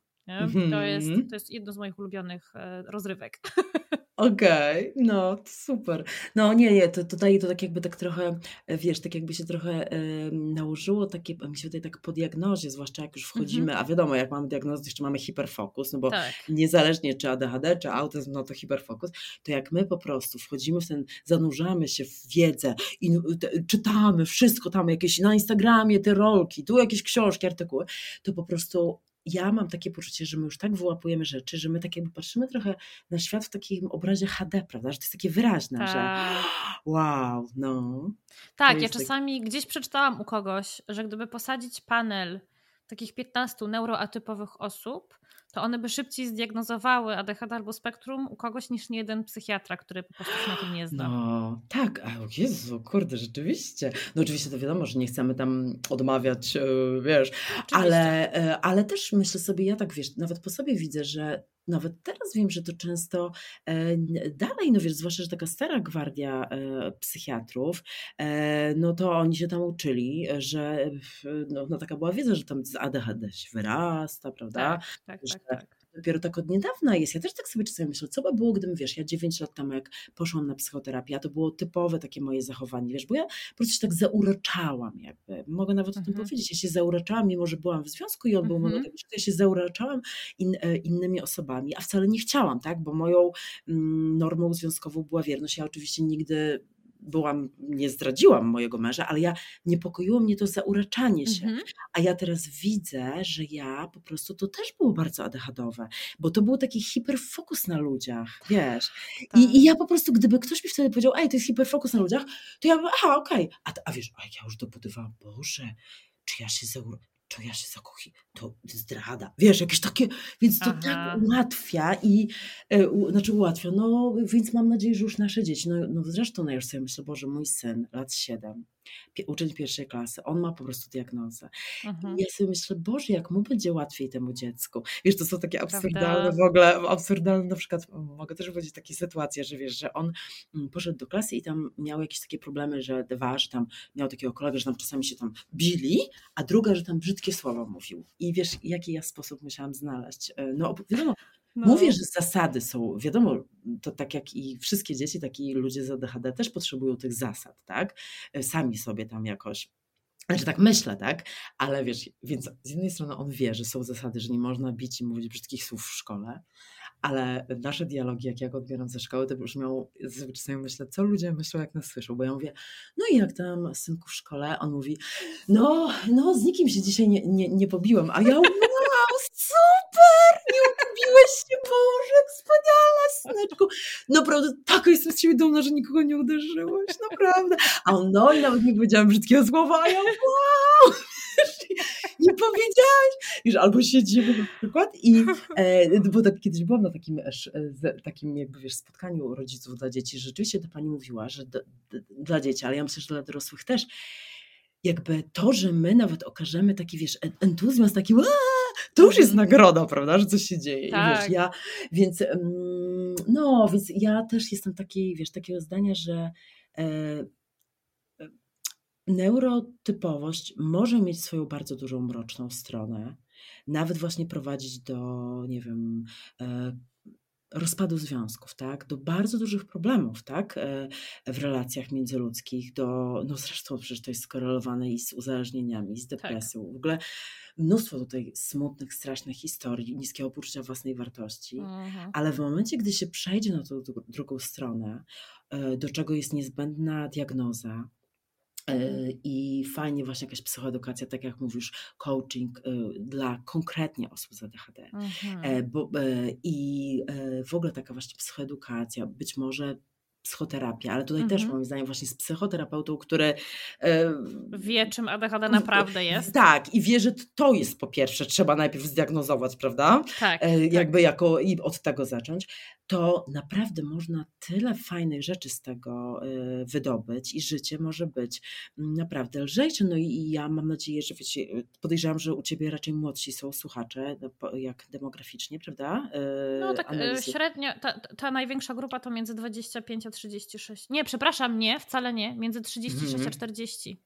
To o, jest to największa grupa u mnie. O, mhm. proszę, a, czyli tak mhm. mniej więcej, e, e, no tak, to, to zresztą, e, bo ciekawa jestem, kiedy ludzie się tak diagnozują. Bo Kari właśnie mówiła w Twoim podcaście, że często są te diagnozy około 40 roku życia mhm. kobiet, że to jest między innymi związane, chociaż nie, no jeszcze ja na przykład jeszcze nie mam menopauzy, ale że tam się powoli coś tam... Tak, tak, tak, tak, tak, tak. Ale, ale ja też widzę dużo diagnoz po 30. Po 30. Mhm. Mhm. Albo gdzieś tak, no, no ten, ten moment, kiedy dzieci się pojawiają, nie? To jest, to jest często ten moment, kiedy bardzo duża zmiana zachodzi i wtedy rzeczywiście albo dziecko dostaje diagnozę. I wtedy, I wtedy wiemy, że to jest genetycznie, dokładnie. Mhm. A u mnie, u mnie to akurat było, że ode mnie, chociaż moja córka miała nawet do mnie taki trochę żal, e, e, że nie dziwię się, że u niej tak późno, bo ona też niedawno dopiero e, sobie zdiagnozowała już, kiedy ja, to ja mówię, dobra, to ty też, wiesz. Mhm. Ale, ale powiem, tutaj chciałam jeszcze powiedzieć, jeżeli słuchają nas osoby, które mają dzieci, to też chcę, żebyście wiedzieli jedną rzecz, że kurczę, bo po prostu ja mam też takie wrażenie, że nie wiem, czy ty masz też takie obserwacje, że z jednej strony właśnie na przykład związki to są zwykle też neurotypowe, ale zawsze tak ale to są dowody anegdotyczne, prawda? Bo ja nie mam mhm. jeszcze żadnych naukowych. No to są tylko moje obserwacje, no tak. które właśnie z Kari sobie robimy, że i z Bartkiem, jej mężem, że e, jak jest para, no to zwykle właśnie jedna ma tak najmocniej wysunięte ADHD, a druga ma ADHD, ale też ma właśnie takie autystyczne, czyli jakoś jednak porządek, tak. strukturę. Bo jakby były dwie osoby z ADHD, to i tak jak ten mój bardzo dobry kolega, od którego się zaczęło. On jest hardkorowo ADHD-owy, ja też. I jak my razem tam czasami po prostu e, to byliśmy, to w ogóle to, Więc tak samo mój chłopak, zresztą mój były mąż też e, byli, znaczy oni tak jak mówię, oni mają diagnozę, ale ja myślę, że oni i ADHD, ale też komponent ten drugi, mm, autystyczny bardziej, czyli ten struktura. I teraz do czego dążę? I teraz jak rodzic ma ADHD, i dziecko ma ADHD. To, to jest mhm. bardzo trudne, bardzo i po prostu mhm. ja mm, muszę powiedzieć, że z jednej strony jest mnóstwo pięknych chwil. Chcę tak ku otusze powiedzieć, prawda, słuchaczom, mm. którzy mają. Z jednej strony jest mnóstwo pięknych chwil, tak, no bo my właśnie tacy nie trzymamy w sobie dużo tej urazy, złości, tam szybko jesteśmy tacy elastyczni, tak. tak. Raczej nie jesteśmy moim zdaniem bierno przemocowi, no bo tam u nas co tam idzie y, ale jak ja mam tak czasami, że z jednej strony jest dużo właśnie ten obszar taki fajny, a z drugiej strony czasami jak ja po prostu moje ADHD i jego ADHD, tego mojego syna, to jego przybodźcowanie, nadruchliwość, to ja po prostu czasami mam takie chwile, że i wiem, że to jest, no to jest trudne, to jest trudne. Ja nie jestem mamą ja zawsze podziwiam ADHD-owe mamy i naprawdę nie wiem, nie wiem jak to robicie, szapo dla was wszystkich, mm. bo ja mm. myślę sobie, bo jak to ADHD jest zaopiekowane u rodzica, tak. to jest łatwiej, no bo tak. wiadomo, rodzic potrafi się regulować, ale tak. jak ADHD jest y, właśnie w tym cieniu i nie wiadomo, że ono tam w ogóle jest tak. i rodzic nie wie, jak ma się regulować i jest to dziecko, wow, no to jest przepis na tak. wybuch. Tak, dokładnie. Dlatego właśnie, e, y, dlatego też o tym mówię, nie żeby pogrążyć, tylko że właśnie my musimy jako rodzice znaleźć sobie pewne strategie. I tak. ja na przykład, kiedy już widzę, że po prostu mnie nachodzi, że ja zaraz wybuchnę, to ja wtedy po prostu staram się, dobre, ja, ja mówię, ja muszę na chwilę wyjść, tak? I wychodzę na przykład, przewentylować się na, e, nie wiem, nawet na dwie minuty spokoju, bo wiem, bo od razu już tak sobie myślę, jeżeli ja teraz wybuchnę, to on jeszcze bardziej wybuchnie i już będzie, już wiesz, oboje wpadniemy w meltdown. Te mhm. meltdowny są straszne też, ale to też powiem Ci, że to jest dla mnie niesamowita taka wiedza, tak? Że meltdowny, że to nasze nagłe wybuchy emocjonalne, po których często wchodzą też shutdowny, to takie odcięcie tak. się. I to też jest niesamowite, że żeby wyłapywać, co jest dla nas triggerem, ja na przykład też tak miałam właśnie z synem, że on po prostu i tak samo mogę tutaj w relacjach romantycznych możemy zauważyć, które rzeczy nas tak odpalają, mm-hmm. że na przykład mój syn, bo akurat to mi przychodzi tylko do głowy, on jak po prostu ma talerz i ktoś mu zje z talerza, znaczy to moim zdaniem też jest bardziej już może autystyczne, że tam ma takie swoje mm-hmm. rytuały, wiesz, dotknie jakieś kanapki, czy weźmie jedną frytkę, on po prostu wpada w szał. Aha. I on w tym szale krzyczał na mnie, nienawidzę cię i tak dalej. I ja tam zawsze, nie można tak mówić do mamy, prawda? Jakieś... Mhm. A ja po prostu teraz wiem, że on, on w ogóle nawet tego nie pamięta, ten jego szał. To go mm. odpala, więc co ja robię? Nie podbieram mu z talerza. Dokładnie. prostu. I to jest dla mnie takie wspaniałe, że ja teraz tak sobie myślę na ten moje przyszły związek, że ja bym teraz wystarczyłoby pewnie, że proszę cię, wyłączmy telewizor i ile to by było mniej y, tego Prawda? napięcia, że jakby właśnie upraszczajmy sobie, upraszczajmy, mówmy, że na przykład nie mogę, tak? Albo na przykład po imprezie, nie wiem, po spotkaniu towarzyskim na pewno na przykład wiemy, że potrzebujemy dzień teraz spokoju, tak? E, a nie tam się katujemy, że codziennie towarzystwo. Tak. E, a wiesz co, chcę cię zapytać o taką jedną rzecz. Jako, że już jesteś, jesteś tą ekspertką od relacji, mhm. to powiedz mi tak, e, jak, jak myślisz, czy można zbudować taki zdrowy związek, będąc osobą neuroatypową, z osobą, która nie akceptuje naszej neuroatypowości? Czyli mhm. Raz, że nie uznaje w ogóle, myśli sobie, ADHD to jest jakaś w ogóle wymówka twoja na twoje lenistwo, nie chce się nic więcej dowiedzieć na ten temat. Da się? Mhm. E, moim zdaniem nie. Mm. Nie, dlatego że ja e, tutaj e, wspomniałam wcześniej, ja napisałam książkę Związek na zakręcie. Rozstać się czy mhm. być razem. Tutaj e, Was, drodzy słuchacze, zapraszam. Oczywiście nie wzięłam tej książki, zapomniałam. Chciałam, ale ADHD. Jeżeli macie ochotę, to zapraszam serdecznie. Dostępna nataliatur.pl i tam ja napisałam tą książkę mm, tak naprawdę do siebie samej, bo ja właśnie Mm, nie wiedziałam przez wiele lat, czy nasz związek jest dobry, czy zły. Ja po prostu nie wiedziałam. I ja wpadłam w hiperfokus, już teraz wiem, że to był hiperfokus, że ja po prostu przeczytałam naprawdę kilkadziesiąt książek, takich wiesz, o, znaczy książek, e, opracowań, jakichś psychoanalitycznych, psychoterapeutycznych, mediacyjnych, socjologicznych, psychologicznych, mm -hmm. żeby wyłapywać i jakby ko kompilację tej wiedzy, taką skondensowaną, znaczy sobie stworzyłam taką strukturę, jakie są tak jakby cechy zdrowego związku. Mhm. I, yy, I jedną z fundamentalnych cech jest szacunek. Mhm. Szacunek, czyli że widzimy i akceptujemy drugiego człowieka takim, jakim on jest i nie próbujemy go zmieniać. Aha. I jesteśmy zainteresowani nim, jesteśmy uważni, otwarci. No to wszystko, co niesie słowo szacunek. I podejrzewam, że każdy z Was słuchających nas teraz może sobie w głowie tak jakby przypomnieć takie pary, um, czy to tam ze swojej rodziny, czy w ogóle z życia, może nawet jakaś tam, nie wiem, z dzieciństwa, ktoś, czy teraz ze współczesności, że tak widać, że ludzie po prostu tak mają do siebie taki szacunek. Tak jakby tak po prostu mhm. tak się szanują jako ludzie. I moim zdaniem w momencie, jeżeli jeżeli jedna osoba mówi, słuchaj, mam ADHD, to oznacza to, to i to, a druga mówi, a daj spokój, w ogóle, w ogóle wiesz, nie wymyślaj, no to tutaj nie ma mowy o szacunku, bo to jest unieważnianie drugiego człowieka.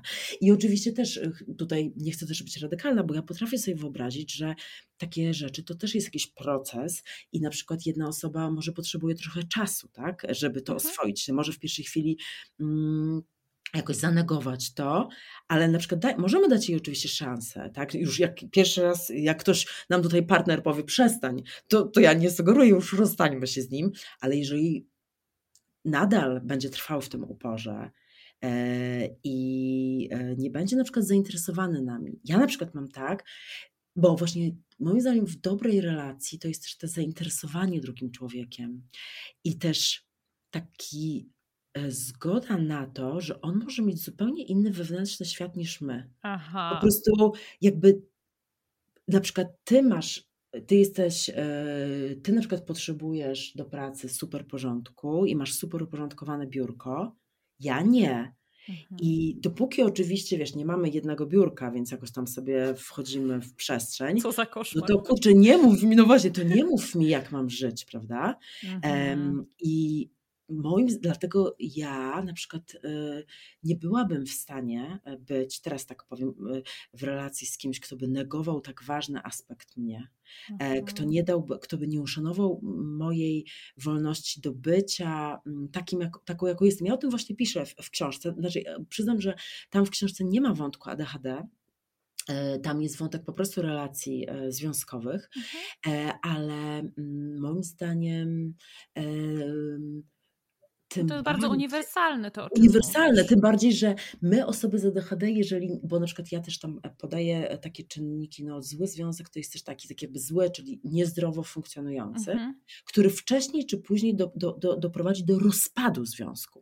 Bo to, że czasami ludzie nie rozstają się i są ze sobą tam wiele lat razem, to wcale nie znaczy, że oni są razem. Bardzo wiele tak, ludzi jest... Tak dobrze, że o tym mówisz. No właśnie, tak i więc e, i e, jeżeli do naszych związków wjechał któryś z e, tak zwanych jeźdźców apokalipsy e, związku, e, to taki psycholog Gottman razem ze swoją żoną stworzył laboratorium miłości i on analizując mnóstwo badań zauważył, że jest takich czterech jeźdźców apokalipsy związku. Czyli jeżeli oni się pojawiają, no to tu w ogóle nie ma opcji, ten związek się rozpadnie. Nawet jeżeli para się nie rozstanie. Bo to akurat wiecie, są czasami na siłę ludzie ze sobą i w ogóle już są opcje. Pierwszy jeździec to jest krytykanstwo, czyli takie po prostu totalne czepialstwo właśnie. No to my, osoby z ADHD, pewnie znamy to. I jak ktoś będzie dał, o Boże, tak jesteś roztrzepana, o Jezu, weź się ogarnie, o Boże, Boże. Krytykanstwo, to już jest apokalipsa, tak? Po, zaczyna się jeździć. Drugi jeździec to jest pogarda. Czyli żyjemy, Boże, serio, Jezu, wiesz co, już nie mogę patrzeć na ten syf. Serio nie możesz po prostu ogarnąć swojej szafy? Trzeci to jest defensywność, czyli taka po prostu, że, no bo oczywiście krytykanstwo, brak krytykanstwa nie oznacza, że my mamy po prostu idealizować siebie nawzajem. Nie, oczywiście mhm. możemy czasami powiedzieć, słuchaj, nie, nie czułam się w porządku z tym, że nie wziąłeś mnie pod uwagę, planując weekend, tak? Albo powiem Ci szczerze, jest mi przykro, że słuchasz tak głośno muzyki, kiedy ja nie mogę się wyspać, tak? Możemy zgłaszać swoje, oczywiście, to jest wręcz pożądane. I powinniśmy, tak. Powinniśmy, to dopiero jest dziwne.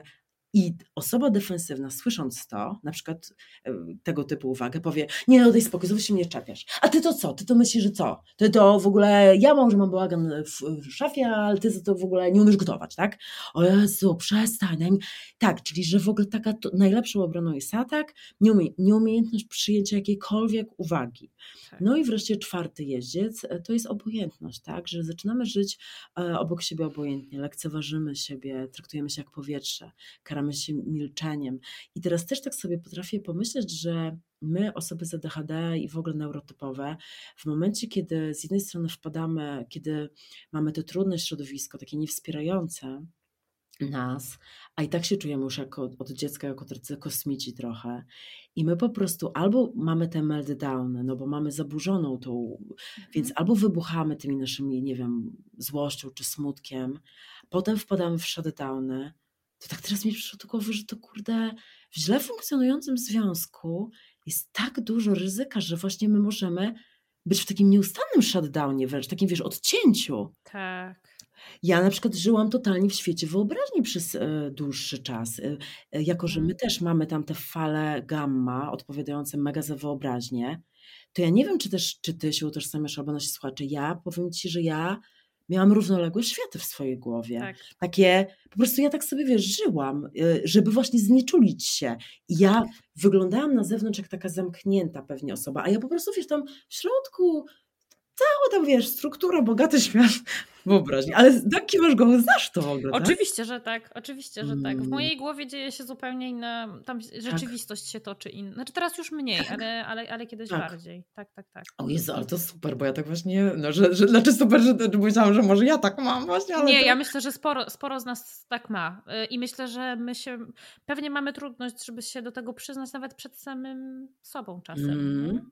Bo no można właśnie. się wydawać, że coś jest z nami nie tak. Znowu, nie? Znowu coś z nami Tak, tylko tak. wiesz co, tylko też mi się wydaje, że to jest troszeczkę tak, że z jednej strony to, że mamy taką bogatą wyobraźnię e, i tak dużo właśnie mm, ja na przykład mam tak i podejrzewam, że większość z nas ma tak, że ja, tak, my te, sprawiamy wrażenie osób bardzo towarzyskich, otwartych, tak od razu już, tak. ale ja też, ale ja tak naprawdę mam taką część swoją, że jestem takim totalnym samotnikiem, mhm. czyli że z jednej strony jestem taka, że jak widzę ludzi, to jestem mega otwarta, ale ja też potrafię przez na przykład tydzień, jeszcze jak pracuję też zdalnie, w ogóle po prostu nikogo nie widzieć prawie i ja też funkcjonuje, wcale jakoś dobrze sobie radzę. Tak. E, ale jednak jest taka cienka granica i ja też o tym piszę w książce, więc e, jak macie ochotę, to zapraszam. I tutaj nawet przygotowałam, jakbyście mieli ochotę, to z kodem ADHD jest e, o 25% tańsza. Więc natalia, nataliatur.pl, ona jest w wersji papierowej, i audiobook i e-book do wyboru. I ja tam piszę o tym, że my mamy, i to też w źle funkcjonujących związkach, a moim zdaniem osoby z ADHD to też, My się czasami, jak jesteśmy w trudnej sytuacji, na przykład w trudnej relacji, w trudnym związku, czy w trudnym domu rodzinnym, e, czy jakiejś innej relacji, bo na przykład jak ja piszę w książce, to można to odnieść nie tylko do relacji romantycznych, ale też przyjacielskich, czasami trudnych, rodzinnych, to my uciekamy w świat wyobraźni, my znieczulamy się nadzieją, ale to jest trochę jak taki narkotyk, że my tak mm. jakby żyjemy w takim innym świecie, bo ten świat rzeczywisty jest tak trudny, tak. że my po prostu tak wiesz, a, a nasz mózg, nie tylko osób z ADHD, ale w ogóle każdego człowieka, on nie odróżnia E, znaczy bardzo łatwo go wkręcić, o, o co jest prawdą, a co nie. Mhm. I więc my, wystarczy, że e, jakby zaczniemy sobie na przykład, e, będąc w jakimś trudnym związku, trudnej relacji, wyobrażać, że na przykład a, jeszcze niedługo będzie lepiej. Na przykład tak właśnie nurzamy się w tych wspomnieniach, jak to jeszcze kiedyś było fajnie, albo jak to jeszcze kiedyś będzie fajnie, jak pojedziemy i będziemy w czułości, i w miłości, i w bliskości, i w zabawie, i już nasz mózg po prostu, my już, jako że jeszcze my już tam jesteśmy. My już tam jesteśmy i już po prostu tak jakby naćpani tacy, tak? E, tak? Taką nadzieją, więc moim zdaniem to też trzeba właśnie mm, wyłapywać to, wyłapywać to, na ile to nam służy. Mm. I Yy, też wydaje mi się, że to jest tak z osobami ADHD, że z jednej, ale może ty właśnie znasz jakieś takie więcej. Ja tylko tak intuicyjnie powiem, że wydaje mi się, że albo ludzie z ADHD mają problem z utrzymaniem stałych relacji, mhm. no bo mhm. cały czas e, nowość, nowość, są pogoń za nowością, albo czasami utykają właśnie w takich długich, ale nie wiem, właśnie ja tak sobie teraz taką postawiłam, coś wiesz o wiesz tym? Wiesz co, chciałam, chciałam e, ten temat nawet poruszyć, bo byłam ciekawa, co mi powiesz, bo ja po, mam podobne podejrzenia, Mhm. E, że z jednej strony, że to są to takie dwa wilki, które ze sobą walczą, nie? Że z jednej strony mhm. my często mamy taką potrzebę zmiany nowości tak. i czy nudzimy się szybko, więc tak. zmiana partnera, jakiś przygodny seks. E, a z drugiej strony rzeczywiście masz rację, to zagrożenie mhm. takiego utknięcia w związku, no. w którym jesteśmy nieszczęśliwi, nieszczęśliwe i takie oszukiwanie się, nie? że jeszcze będzie dobrze. Um, no dlatego, ja cię, dlatego ja cię zapytałam o to, czy, czy w tej konkretnej sytuacji, kiedy wiesz, jest ten zgrzyt między ja jestem mhm. neurotypowa, ale ja, ta druga osoba nie akceptuje mojej neurotypowości, więc nie akceptuje mnie, czy to jest możliwe. Fajnie, że o tym powiedziałaś, bo, bo ja myślę, że to może być częsty problem. No właśnie, więc nie, więc ja, ja e, tylko, że tak sobie myślę teraz tak, mm, też z tonem właśnie tej moją taką narracją, którą przekazuję w książce, że najpierw warto zidentyfikować problem. Czyli mhm. ja nie miałam tutaj, od razu ty mi zadałeś pytanie, nie miałam żadnych wątpliwości. Nie, to jest niezdrowe, prawda? Mhm. Tylko, że teraz musimy się zastanowić, na przykład osoby, które nas słuchają, myślą, o kurde, rzeczywiście, na przykład mój partner cały czas tam umniejsza, bagatelizuje moje ADHD, albo partnerka e, mówi, że o, traktujesz ADHD jako usprawiedliwienie. I teraz my sobie możemy, a no tak, to jest zły związek, to jest zły partner, ale pamiętajmy, że my musimy po tak jakby bo wiele osób, a kto wie, może ADHD-owcy jeszcze bardziej, ale to akurat już nie wiem, my mamy taką wiarę, że inna osoba będzie nam czytać w myślach, prawda? Że my na przykład, wiesz, to takie też z dziecka jest, że Przecież o, oni my potrzebujemy. Wiedzieć. No dokładnie. I ja na przykład właśnie zawsze miałam takie problemy. Pamiętam właśnie z moim byłym mężem, że on w ogóle nie pyta mnie, jak mi minął dzień, jakieś ważne. I to jest w ogóle, on się interesuje, bo ja na przykład zawsze pytałam go, no bo ja zawsze mhm. mam taką ciekawość drugiego człowieka, tak? Ja mam hiperfokus na ludzi, bliskich, mm -hmm. I, ale, ale ktoś mi wtedy powiedział, że on może nie wie, że to jest po prostu, że ja tego potrzebuję. I dla mnie to było nonsensem, że jak może nie wiedzieć, ale no tak. Prawda? Więc ja sobie teraz myślę, że jeżeli teraz pierwszy punkt widzimy, w naszym związku po prostu druga osoba neguje te ADHD, to tak, to jest mega słabe, no bo nie szanuje nas, umniejsza i tak dalej, ale my powiedzmy, i to mówiąc oczywiście e, bez tego ataku, że jest mi przykro, jest mi ciężko. To tak. jest bardzo ważne. Na, na, na, na. I teraz, co ta druga osoba z tym zrobi, to może nam dać jakby kierunkowskaz. Ja właśnie w tej książce piszę o takiej metodzie znów. Ja tak ją trochę nazwałam sama, mhm. ale o niej pisał e, taki bardzo fajny koleś David Schnarch. On jest psychoterapeutą i seksuologiem. Napisał książkę Namiętne małżeństwo i on tam opisał taką metodę, tylko nie, nie dał nazwy, więc ja sobie wymyślałam znów jako akronim od e, zamiast narzekać, odpowiedzialność weźmy. Mhm. E, bo on tam um, mówi, i, te, i też to słowo znów ma to znaczenie, bo on tam mówi coś takiego, że jeżeli jest jakaś rzecz w naszej relacji, która tak naprawdę nam uprzykrza życie, ale tak naprawdę, e, wiesz, bo mhm. w sensie, mm, no i cały czas wiecznie się o to kłócimy, cały czas jakieś sprzeczki, tak? Czyli czy to, nie wiem, nadużywanie y, jakiejś używki, czy na przykład y, to, że, nie wiem, kłamstwo. No dobra, załóżmy, weźmy no kłamstwo, tak? Że, że ktoś kłamie. To zamiast znów narzekać, to on proponuje taką, taką żeby powiedzieć taki komunikat, że yy, wiesz co, powiem Ci, że naprawdę y, mam już dość tego, y, że cały czas umniejszasz y, mojemu ADHD. Może na, na tym przykładzie, prawda? Że bagatelizujesz to, mówisz, że wymyślam sobie, że traktuję to jako usprawiedliwienie, że podważasz moją diagnozę. Mhm. Mam, już, mam już naprawdę tego dość bardzo. Nie, nie mam siły już więcej, nie mam siły ani ochoty e, już więcej e, e, słuchać tego, jak umniejszasz moje ADHD. Mhm. I mm, w zależności od tego, a i nie, i nie zamierzam już nigdy, już nie, i nie chcę już więcej o tym mówić, bo nie chcę ani, żebyś y, y, czuł się pod presją mojego wiecznego przypominania, ani ja też po prostu nie mam ochoty cały czas ci o tym mówić. Chcę, żebyś po prostu wiedział, że ja już nie mam siły dłużej y, tego słuchać. I w zależności od tego, co ty z tym zrobisz, jaką podejmiesz decyzję, mhm. ja podejmę również decyzję. I powiem Ci, że dla mnie to jest w ogóle taka super rzecz, bo to jest jakby, to jest takie, wiesz, że dajesz, oddajesz, sygnalizujesz. Tak. E, oddajesz mu decyzję, czyli czy on powie, przemyśli to, oczywiście dajmy czas, że na przykład powie, dobra, sorry, wiesz co, rzeczywiście, kurczę, e, zmieniam to, albo zobaczymy, że nic nie zrobi, to my widzimy. I teraz naprawdę to, co my z tym zrobimy, czyli mamy fakty, mamy dane. Nasz mąż czy nasza partnerka dalej bagatelizuje, mimo że my już mu to powiedzieliśmy. My, my to możemy oczywiście wstawić, no mam dosyć tego, że codziennie pijesz alkohol, ale i to jest dla mnie niesamowite w tej metodzie, że z jednej strony oddajemy odpowiedzialność tej drugiej osobie, ale też mówimy, że my to zrobimy. I teraz w momencie, bo wie, wielu z nas jest takich, że gada cały czas, o już mam dosyć tego, że bagatelizujesz moje ADHD, mam już dosyć, nie rozumiem, ale my i tak chodzimy i bla, bla, bla, bla gadamy tak. cały czas. Tak. Więc teraz też, kurczę, więc ja właśnie do tego zachęcam nas, żebyśmy tak jakby wynurzali się z tego takiego, że my mamy wpływ na swoje życie. Nie, teraz już tak gadam. Nie, no bardzo dobrze, bardzo dobrze, bo to jest, to, to niby jest taki banał, ale to nie dla każdego jest takie oczywiste.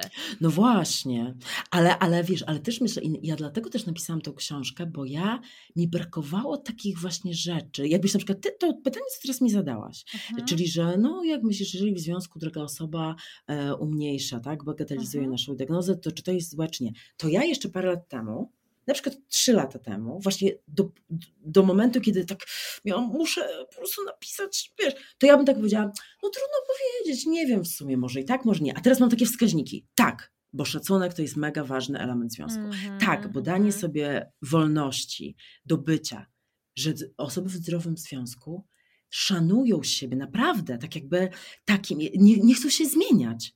To no jest, bo... Ja myślę, że to jest to. To tak. jest absolutny klucz. I, ja to widzę, e, porównuję, mam, mam porównanie tego, co ja mam w mojej relacji z moim mężem, który mi powiedział, jak ja powiedziałam, że ADHD będę się diagnozować, on powiedział, fajnie, fajnie jest rozumieć i mieć jakby nazwę tego, ale ja bez względu na to, co to jest i czy to jesteś ty, czy to jest twoje ADHD, ja cię biorę taką, jaka jesteś. Nie? Super, no właśnie. I porównuję naszą relację z relacją naszego znajomego, który mm. właśnie jest tym takim przykładem osoby, które, która nie ma tej akceptacji z drugiej strony, nie? która słyszy, że to ADHD to jest jakaś mm. wymówka. Że ty mm. teraz mi ciągle o tym ADHD gadasz, już nie mogę tego słuchać. Mm. E, no, więc to jest, e, to jest absolutny klucz. Ta, tak. Ta radykalna akceptacja, o której powiedziałaś na samym początku. No właśnie, tak, radykalna akceptacja, która właśnie wbrew pozorom nie oznacza, że ta osoba, bo jest ten na szlanki już po prostu to ADHD, to już właśnie weźmie górę. Nie, właśnie radykalna, tak jak no z dziećmi to jest tak, bo to jest taka moim zdaniem, że rodzic, który w pełni akceptuje dziecko takim, jakim ono tak, jest, tak. to to dziecko może się rozwijać. I i, e, I tak samo jest w relacji romantycznej. Jeżeli my siebie w pełni akceptujemy, takimi, jakimi jesteśmy, no to, to oczywiście tylko tak jak mówię, no tutaj gwiazdka. E, pełna akceptacja nie oznacza tego, bo to tak samo jest takie ryzyko, bo ja na przykład, okej, okay, mam ADHD, tak? Jestem, e, mam skłonność do impulsywności. Mhm. Ale ja na przykład, to nie znaczy, że ja mogę po prostu zacząć nagle drzeć się po prostu na, na nie wiem, partnera, obrażać go i tak dalej. Sorry, ale to taka impulsywność. Tak nie. Tutaj też musimy szukać strategii. Ale wiesz, to też, o to taki fajny mam przykład, że ja na przykład cały czas, no jak to, te gubienie rzeczy, no to wiadomo, tak? to ja po prostu masakra. I ja po prostu cały czas gubiłam e, rzeczy, klucze do tego stopnia. Dobrze, że nie podałam nigdzie swojego adresu, że ja po prostu już wiesz, tak nie wiedziałam, gdzie są moje klucze, że ja często jak odprowadzałam scenę do szkoły, to ja po prostu zostawiałam otwarte drzwi, wiesz, bo ja już, no bo wiesz, mm -hmm. dylemat, czy zamknąć drzwi, no to zostawiam, na szczęście nikt mnie nie okradł. I na przykład mój chłopak kupił mi w prezencie od Mikołaja E, bo on bardzo często był świadkiem tej, że mamy gdzieś wyjść, o klucze, klucze, i to oczywiście i od samochodu, i od domu. I on mi po prostu kupił lokalizator Aha, to jest I właśnie to jest, że on nie mówił, Boże, weź ogarnij się dziewczyno, Boże, czy ty możesz, tylko lokalizator kluczy. E, albo na przykład kupił mi, ja po prostu cały czas gubiłam rękawiczki, kupił mi ze trzy pary rękawiczek. Oczywiście to było, wiesz, dwa miesiące temu, ja teraz jestem w górach, ja już jestem, mam tylko jedną rękawiczek z tych trzech par. Ja mówię, bo słuchaj, nie mam rękawiczek. I ja też od niego nie usłyszałam nigdy czegoś takiego, że wiesz, że on, o jest serio, tylko hmm. wiesz, no i wiesz, i jakby to nawet jest tak, że jak druga osoba, wydaje mi się, że to się takiego dzieje, że jak druga osoba ma tą radykalną akceptację, to w nas się uruchamia trochę coś takiego, że my tak jakby tak czując się tacy zaakceptowani, zauważeni, tacy, mm, tacy dostrzeżeni, jakoś tak, tak chcemy tak zmieniać się ku lepszemu. Nie wiem, czy tak, tak jakby tak właśnie zmieniać, tak, że w sensie aż tak, tak rosną nam skrzydła, że tak chcemy się tak, wiesz, tak, tak no... Tak, to jest, to... to jest piękne. A powiedz mi, jestem ciekawa, widzisz jakieś inne zagrożenia, które mogą, znaczy zagrożenia to tak zabrzmiało strasznie mm. poważnie, ale no tak, jakieś inne zagrożenia dla relacji osób z ADHD? Moim zdaniem um, związki z osobami z ADHD um, niosą ze sobą dużo bardzo różnych zagrożeń bo właśnie są, wiesz, te, te potencjalne, yy, wiesz, jakieś takie impulsywne zachowania, być może jakieś właśnie zdrady, tak? E, czy nadużywanie jakichś substancji, mm-hmm. czy te właśnie no nagłe właśnie. wybuchy kłótni, też e, właśnie to poczucie takiej niskiej wartości, a wiadomo, jak jest niskie poczucie własnej wartości, no to ono jest często kompensowane tym, że jak nie szanujemy innych, to nie szanujemy, jak nie szanujemy siebie, to nie szanujemy innych, tak? tak? tak. Więc ja bym chyba. Mm, mm, jakoś tak. E, taką wskazówkę, że w momencie, jeżeli nie czujemy, e, znaczy na pewno trzeba się zaopiekować sobą, tak? Czyli mhm. właśnie coaching, e, psychoterapia, ale jeżeli będziemy, jeżeli ta druga osoba, z którą jesteśmy w relacji, nie będzie mm, równolegle, bo my pod wpływem właśnie coachingu, psychoterapii zaczynamy jakoś tam się wzmacniać, jak widzimy, e, jakoś lepiej funkcjonujemy, wychodzimy z pewnych schematów mhm. e, funkcjonowania i jeżeli ta druga osoba nie idzie też, bo ona nad sobą też nie pracuje i nam się rozjeżdża ta relacja, to ja bym e, to ja bym na siłę nie chciała jej reanimować. Tak sobie trochę tak myślę. Okay. E, bo nie, ja nie wiem, czy ja od razu odpowiedziałam sobie na pytanie, Boże, bo ja już się wiesz co zakręciłam. Odpowiedziałaś, to, odpowiedziałaś na pytanie i poszłaś jeszcze o krok dalej, bo ja, bo ja chciałam cię zapytać o to. Um, wiesz, co, co, co robić, jak, jak te zagrożenia są, mhm. no, wpływają jakoś negatywnie na naszą relację. Wiesz co, powiem Ci, że ja, ja teraz akurat też piszę drugą książkę o stricte rozstaniach mhm. i ja tam mówię o tym, że mm, bardzo wiele związków e, przyjmuje formułę tak zwanych pseudozwiązków. Jest razem, ale to jest totalnie fasadowe. E, jest razem, bo na przykład bo łączą ich dzieci, albo bo mają tak. wspólne mieszkanie, albo bo lęk przed samotnością, albo tak. już sobie tak. tak wyobrażam, że osoby z ADHD mają tak niskie poczucie własnej wartości, że one na przykład trzymając się tego partnera, czy tej partnerki, która jest taka e, bardziej struktura, poczucie bezpieczeństwa i jeszcze, więc one się czują jak takie dzieciaki, bo ADHD to często wchodzi w takie dzieciaki, prawda, że my jesteśmy tak. niepoważni, a ta druga osoba taka wszystko ogarnie, to my nawet myślimy sobie, że my sobie poradzili byśmy bez niej, prawda? Dokładnie. I moim zdaniem, ja tam właśnie piszę o tym, myślę, że ona wiosną już będzie gotowa, że um, trzeba sobie zastanowić się, jakie my mamy w głowie na przykład bariery wejścia z relacji i zrobić sobie naprawdę taki bilans e, korzyści i mm -hmm. zysków. I ja mhm. wiem, że to bardzo słabo brzmi, ale ja też jako socjolożka wiem, że no, tak, to rządzi interakcjami, e, tak zwana mm, teoria wymiany społecznej, że my jesteśmy w takich relacjach z ludźmi i towarzyskich, i zawodowych, i przyjacielskich, z których mamy korzyści. Oczywiście. A jak jest więcej strat, jeżeli my zaczynamy czuć się w jakiejś relacji naprawdę źle, właśnie czujemy się po prostu deprecjonowani, niezauważani, krytykowani. Po prostu y, zamiast, bo dobra relacja to jest taka, w której czujemy się bezpiecznie. Ja mam taką mm fajną mhm. definicję dobrej relacji. Moim zdaniem dobra relacja to jest relacja, w której e, o, to zresztą będzie zaraz pasować też do ADHD, bo to jest taka relacja, w której czujemy się razem bezpiecznie, emocjonalnie i fizycznie, jest między nami intymność fizyczna i emocjonalna. I oczywiście intymność fizyczna niekoniecznie, o to musimy uprawiać cały czas seks, tylko nawet czy to możemy się złapać, czy nawet jesteśmy w przestrzeni, chcemy zmienić, y, spędzać ze sobą czas, tak? Jest taka intymność, tak, że nie jesteśmy mm, sobie obcymi ludźmi. Jest zaangażowanie i takie zobowiązanie trochę, czyli że my wiemy, że jesteśmy razem, tak? Jakby, a nie to, że że na przykład, nie wiem, jedna osoba cały czas tam się nie chce zadeklarować, jakieś tam nazwać tego. No i wreszcie trzecia, a szacunek, wzajemny szacunek, to absolutnie. No i trzecia, zabawa. Czyli po prostu właśnie taką no, zabawa, właśnie. czyli że my mamy i to moim zdaniem, ta, ta definicja akurat pasuje nawet też do neurotypowych, już do mhm. neurotypowych to w ogóle, ale w tym słowie zabawa chodzi o to, że jest więcej dobrych chwil niż złych. Tak. Bo ten wspomniany przeze mnie Gottman, który ma to laboratorium miłości, mówi, i on tam wiesz, analizował mnóstwo par, że w dobrej relacji jest aż cztery, a może nawet pięć, ale nawet jak cztery to już jest bardzo dużo.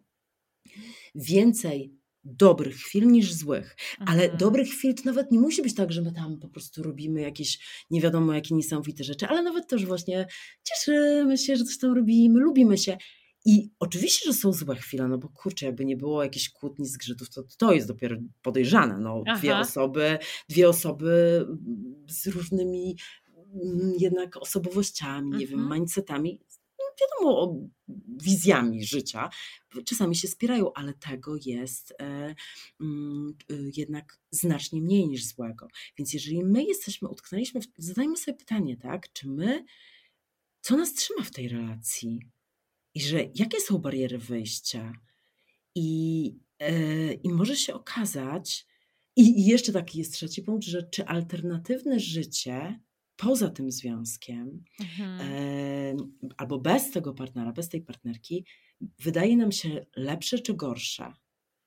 Yy, I jak zrobimy sobie taką analizę, to do różnych rzeczy możemy dojść do wniosku. A mi się wydaje, że my, jako osoby neuroatypowe, to tak, które albo mają brak wiary w siebie, że sobie nie poradzą, albo mają takie silne przywiązanie do obiektu, co jest, yy, prawda, jako taki, to my możemy po prostu tak się zafiksować na tym, że na przykład no, już się tak przyzwyczailiśmy do tej osoby, że już aż się boimy, że tak, o Jezu, jakaś nowa, to tak dziwnie, że my możemy pominąć to, że na przykład w tej relacji nie ma naprawdę takich ważnych, kurczę, fundamentalnych spraw, typu, że my się nie szanujemy, mm. prawda, że my się nie, nie lubimy w ogóle. No więc właśnie, no właśnie. to jest ważna no, rzecz. Trzeba się trochę dokładnie. lubić. I być tak sobie zainteresowanym. Tak. I jakby ja, więc, a też, ale też nie chcę tak bardzo, nie chcę też zdołować na przykład was, y, którzy nas słuchają, bo wydaje mi się, ja ogólnie, mimo że się sama rozwiodłam, tak, po 22 latach i teraz nawet piszę tą książkę o rozstaniach, to ja ogólnie uważam, że absolutnie warto warto naprawiać związki. Mhm. Bo w ogóle jestem pewna, że po prostu, jeżeli nie przepracujemy jakiegoś problemu, to on się pojawi w następnej relacji. Mhm. Ale też uważam, że absolutnie nie ma co na siłę naprawdę być w związku. Jeżeli, na, jeżeli ten związek sprawia, że my po prostu czujemy się w nim źle, on nas pogrąża, tak? A jeszcze w ogóle jak mamy ADHD, to moim zdaniem ADHD przecież nie znosi sytuacji kryzysowych. Więc my, jak jesteśmy w kryzysie dużym, a jeżeli, mm, no to, no to, ojejku, nie wiem, ja tak sobie lubię w ogóle patrzeć, że na przykład ADHD to są różne cechy i one tak jakby trochę jak taki regulator głośności, że my możemy każdą z cech podkręcić i ona na przykład wiadomo, no, impulsywność jest niby zła, ale przecież kurde fajnie, że jesteśmy tacy hej do przodu, żeby robić różne rzeczy, to jest mhm. fajne, tak? tak? E, bo gdyby ją zakręcić zupełnie, no to w ogóle byśmy byli totalnie mhm. zachowawczy, tak? Ale znowuż podkręcona jeszcze na maksa, no to może być dziwna. Więc mhm. mam takie trochę poczucie, że my, osoby z ADHD, takie jest ryzyko u nas bycia w związku, że albo zbyt pochopnie e, zrywamy je, Mhm.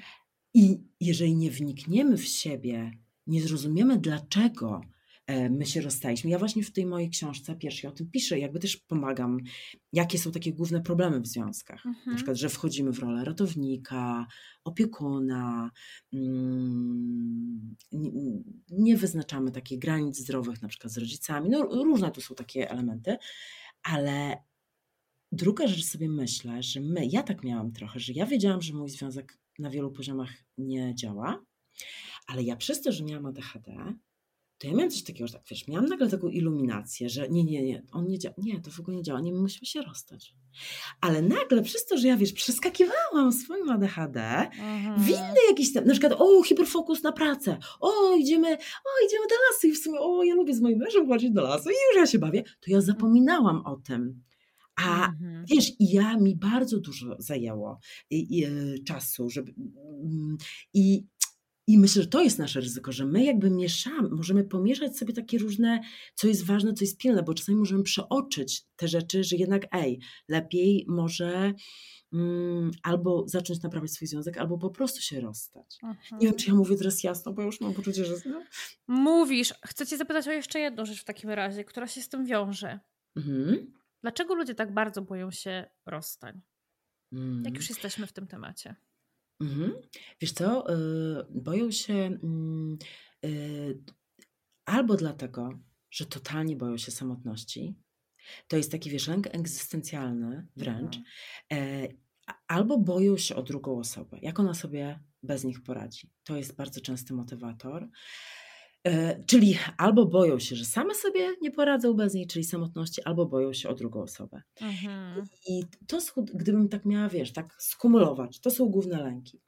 I mogę powiedzieć, e, żeby znowu się tak nie zgadywać, że warto, zastanawiając się, jakie mamy strachy, przed rozstaniem, zobaczyć, czy nam się nie miesza przypadkiem, ale wiesz, to oczywiście nie jest takie proste, e, ale może kogoś zainspiruje, czy nam się przypadkiem nie miesza przeszłość z teraźniejszością.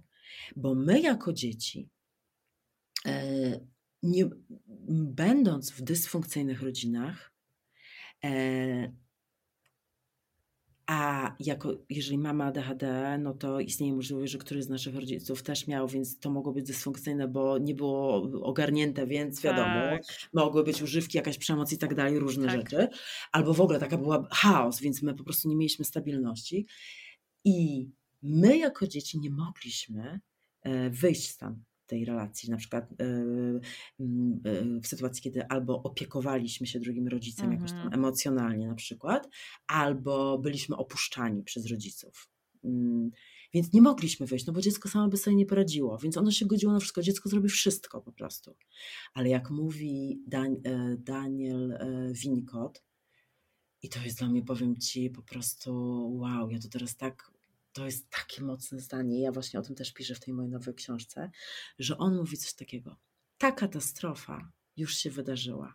Hmm. Czyli my jako dzieci, tak, to dla nas było katastrofą, tak? Poczucie samotności albo poczucie nadużycia, bo ja tak myślę, że ludzie się dzielą właśnie albo głównie na tych, którzy się tak bardzo boją samotności, albo nadużycia jakiegoś uwikłania. Mhm. I, ale ta katastrofa już się wydarzyła. My już dzisiaj jesteśmy dorośli i my sobie poradzimy sami, mhm. albo druga osoba sobie sama bez nas poradzi.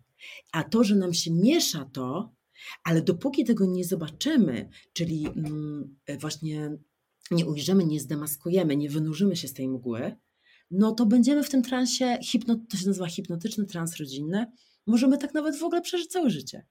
Więc ja bardzo zachęcam do tego, żeby właśnie robić wglądy w siebie, e, tak jakby wynurzać się i właśnie tak jak mówił Karol Gustav Jung, e, wyciągać z nieświadomości, e, żeby potem nie myśleć, że to jest takie przeznaczenie, że ja po prostu zawsze trafiam na tych mężczyzn takich niedostępnych emocjonalnie. No zawsze, no po prostu. Albo na przykład zawsze trafiam na po prostu, nie wiem, kobiety, które są takie władcze albo bezradne. Nie, to mm -hmm. nie trafiasz, ty je wybierasz. Powiem ci, że mam ochotę pociągnąć kolejne wątki, ale jestem świadoma tego, że rozmawiamy już półtorej godziny. Nie chcę cię też zatrzymywać. To ostatnie pytanie. Oczywiście. Um, trochę, trochę na nie odpowiedziałaś wcześniej, ale, ale może, może dodasz coś jeszcze. Jaki jest przepis na taki dobry, mądry, zdrowy związek? Moim zdaniem e, przepis na zdrowy związek, e, zdrowy związek może tworzyć tak naprawdę dwoje dorosłych osób. Dorosłe osoby to są takie osoby, e, które biorą odpowiedzialność e, za swoje emocje, zachowania, życie. Czyli one nie mówią, wiesz, bo ty mnie tak zdenerwowałeś, tylko że mm. ja się na ciebie zdenerwowałam. Ale to nawet nie chodzi o tą semantykę, ale chodzi o to, że my one nie robią z siebie ofiar tych bezbronnych dzieci, które mówią, zmarnowałeś mi 10 lat życia, tak? Nie, ja po prostu nikt mnie nie zmusił, żeby być z tobą. Czyli biorą odpowiedzialność, a przez to, że biorą odpowiedzialność, one, czyli wynurzyły się z tego e, bycia dzieckiem, bezradnym, który chce być zaopiekowany albo który musi się opiekować drugą osobą, to one mają w sobie odwagę, żeby zobaczyć rzeczywistość taką, jaka ona jest i zajrzeć w siebie. Na przykład powiedzieć właśnie, tak, kurczę, yy, mam swoje wady, mam mhm. swoje, może właśnie wady to nawet jest ze słowo. Na przykład, bo dla mnie, wiesz, jeszcze żeby zrobić koło z ADHD, w momencie, kiedy my mówimy, że mamy ADHD, to to jest taka wspaniała, to się nazywa tam w psychoterapii zajrzenie do swojego cienia, tak? Czyli, że to nie jest tak, że nie ma ludzi jednoznacznie dobrych. Nawet jeżeli ja jestem empatyczna, no to ja mam sobie taką część, która jest taka po prostu nieempatyczna. Albo jeżeli ja jestem ogólnie serdeczna i życzliwa, Jestem, ale ja mam w sobie taką część, która jest po prostu tak wredna i właśnie osoby w związku, nawet dzisiaj właśnie z moim chłopakiem rozmawialiśmy o tym w górach, że my mamy tak fajną relację, taką naprawdę bardzo swobodną, taką bardzo dobrą, bo my możemy być autentyczni. Mm. Bo, bo my, w ogóle każdy z nas, my się tak od razu od początku mówiliśmy, każdy z nas miał różne tam ze sobą związki. I my się umówiliśmy na początku naszej relacji, że my będziemy sobie omówić o wszystkim, ale nie chodzi o jakoś taką, wiesz, że o, to nie mam żadnych tajemnic. Nie, nie, tylko że my będziemy robić wszystkiego, że jeżeli ktoś się będzie czuł niekomfortowo, na przykład nie będzie chciał się spotykać codziennie. Mm, ja na przykład taka jestem, że nie, nie, codziennie to nie, rozmowy nie, to ja mu o tym powiem, żeby nie mhm. było robienia czegoś wbrew sobie, bo jak robimy coś wbrew sobie, żeby zadowolić drugą osobę, albo żeby ona na nas nie była zła, to z tego zawsze potem się robią dziwne rzeczy, jakieś e, Aha. urazy. I my po prostu umówiliśmy się, że mówimy, na przykład, no bo ja się e, poczułem przez ciebie odtrącony. A ja i, i jakby, i moim zdaniem taki może być dobry związek i to zresztą też mówią y, naukowe rzeczy, że im bardziej jesteśmy autentyczni, czyli nie żymy się, y, jakby jesteśmy na tyle odważni, żeby nawet powiedzieć o swoich słabościach, lękach, niepokojach, to, to, to po prostu sprawia, że my, wiesz, nic nie musimy ukrywać. Bo kiedy my na przykład tak bardzo chcemy pracować nad tym, e, no właśnie to, co nas, e, ADHD-owców często, te maskowanie, tak? Że jak my maskujemy swoje wady, że tak powiem, no to my jesteśmy wyczerpani, bo trzymanie różnych takich cech, zachowań za tak zwaną kurtyną, to jest totalnie obciążające. A w momencie, kiedy możesz być z drugą osobą sobą, czyli ujawnić się takim, jakim jesteś, no to wtedy dopiero jest możliwe bycie swobodnym, właśnie radosnym, z poczuciem bezpieczeństwa, intymności, bo, bo, bo możesz być prawdziwy. I mi się wydaje, że e, potraktujmy to, e, właśnie te momenty, w którym na przykład dostajemy diagnozę ADHD jako taki dar od losu, e, czy tam już jak to tam Boga, losu, Matki Natury, nie wiem czego, mm. że to jest nasz początek bycia autentycznym. I moim zdaniem szczęśliwe relacje, przepis na szczęśliwy związek to jest wtedy, kiedy spotkamy się z sobą autentycznym, czyli że my e, wiemy, że nie ma ideałów, tak? Nie ma ideałów, e, e, bo ideały nie istnieją.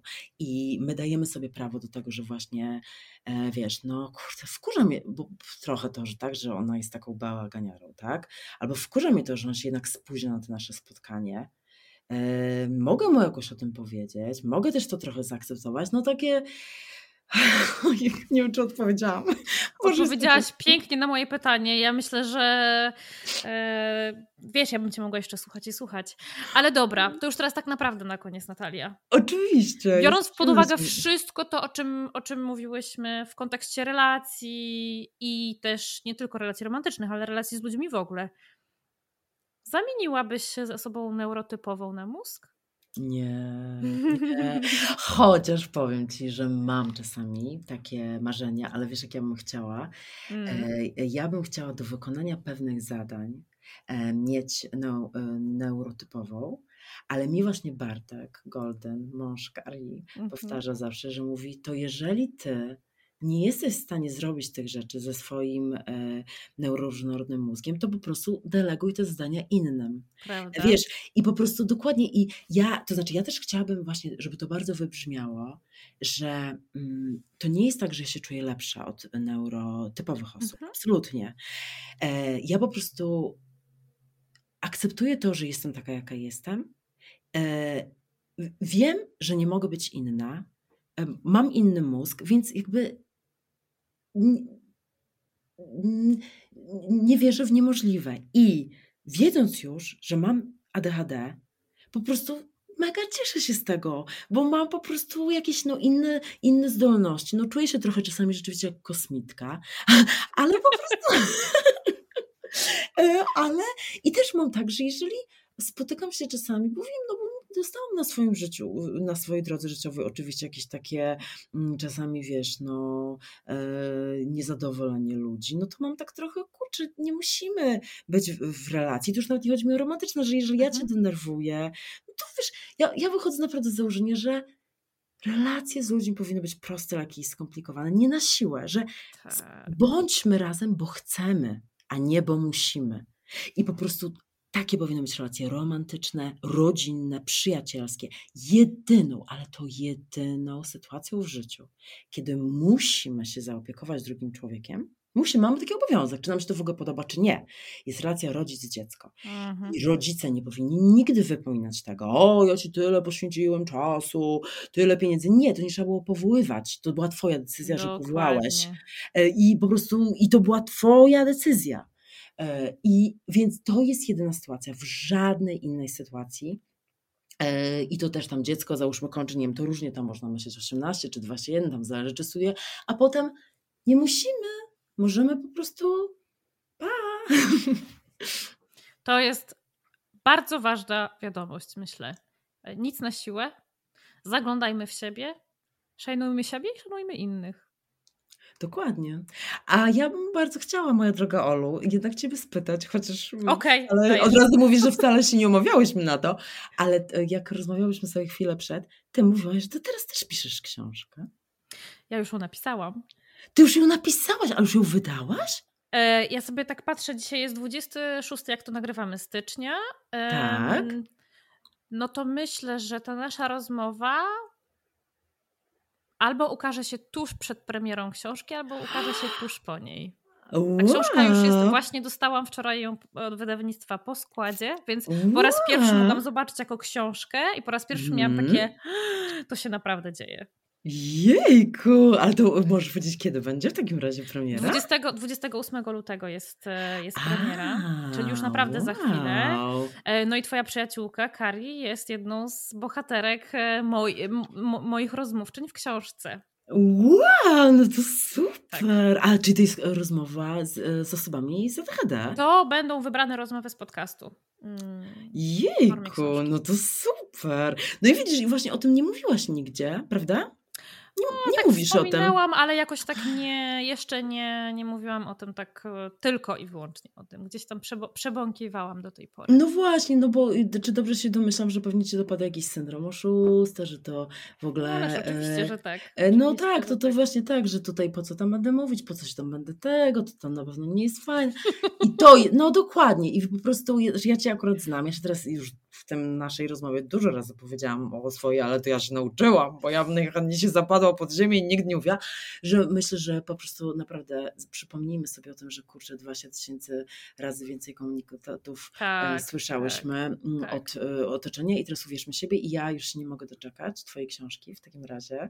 Bardzo chętnie ją przeczytam. O, dziękuję. E, A ja się nie mogę doczekać, się. ja się nie mogę doczekać przeczytania twojej książki, którą mi wysłałaś i jestem, jestem bardzo podekscytowana, bo o, mimo mimo, no to... mimo, że czuję, że jestem w zdrowej, dobrej relacji, to jestem mm. pewna, że mogę się nauczyć A, czegoś, tak. mi pomoże. O, właśnie, bo to dobrze, fajnie, że o tym wiedziałeś, bo tak, bo moja książka absolutnie, ona nie jest, ona z jednej strony wiem, jak dostałam od ludzi feedbacki, dostaję to z jednej strony niektórzy mówią, ok, dzięki, rzeczywiście pomogło mi to zrozumieć, że, że nie, ale ta, ją też czytają osoby w super zdrowych związkach, bo w każdym związku są jakieś takie obszary, bo związek to jest przede wszystkim byt e, no, dynamiczny, to się zmienia. Tak. I fajnie jest zauważyć, co nie działa, jakiś tam aspekt, żeby właśnie nad tym pracować. Więc ja bardzo też zachęcam Was i e, tak jak mówiłam, dla Twoich słuchaczy e, czy widzów z kodem ADHD e, Super. książka kosztuje 25% taniej, a jest dostępna na nataliator.pl.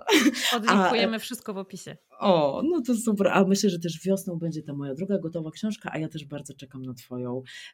I, I w ogóle cieszę się też, że mówisz o tym, o coachingu, bo rozumiem, że ja na przykład jak tutaj podlinkuję naszą rozmowę, to też rozumiem, że jeżeli ktoś będzie zainteresowany, to się po prostu może z Tobą skontaktować, bo Ty jesteś super wykształconą e, coachinią, prawda? Jak najbardziej. W stronę ADHD, że skończyłaś, mówiłaś jakąś amerykańską fajną szkołę. Tak, amerykańską tak? szkołę, e, taką pionierską w dodatku. Jej. Pionierską szkołę coachingu ADHD, tak. Uczyłam się od najlepszych, to akurat, e, Kurczę, akurat przyznaję to bez... super. Tak, tak, tak, tak. To... No, no to słuchaj, to ja może tutaj też, no, pomyślę sobie. Nie, no świetnie, rywalka, naprawdę. Ale możesz tylko powiedzieć, to, to już, e, czy, czy y, są takie pewne normy, że na przykład ile sesji jest potrzebnych, czy, czy to trwać może długo? To, to zależy. zależy, oczywiście. To wszystko Czyli to, e, zależy.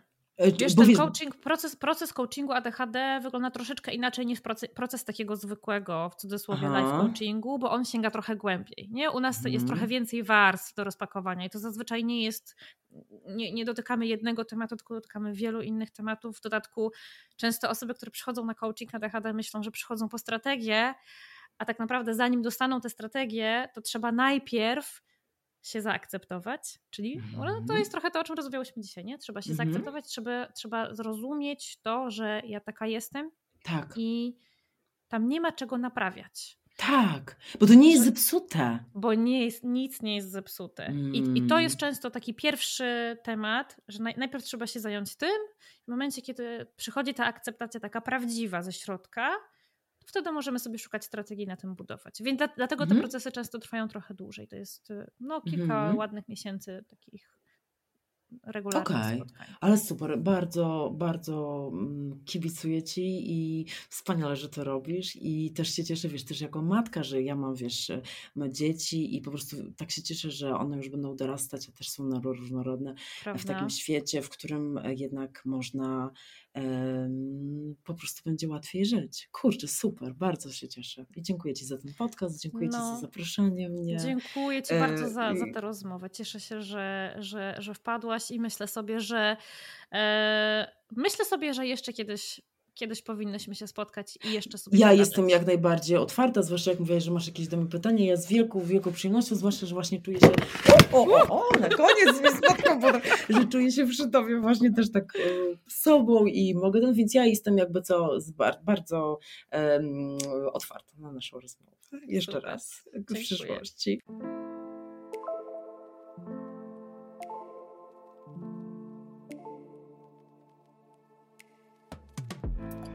Wielkie dzięki za wysłuchanie tego odcinka. I oczywiście Spotify, YouTube czy TikTok nie powinny być wyznacznikami diagnozy. Ale jeśli to, o czym tutaj rozmawiałyśmy, brzmi dla ciebie podejrzanie znajomo, to mam nadzieję, że zaopiekujesz się sobą i wykonasz pierwszy krok w kierunku pójścia po pomoc, bo każda z nas na to zasługuje. Do usłyszenia w kolejnym odcinku.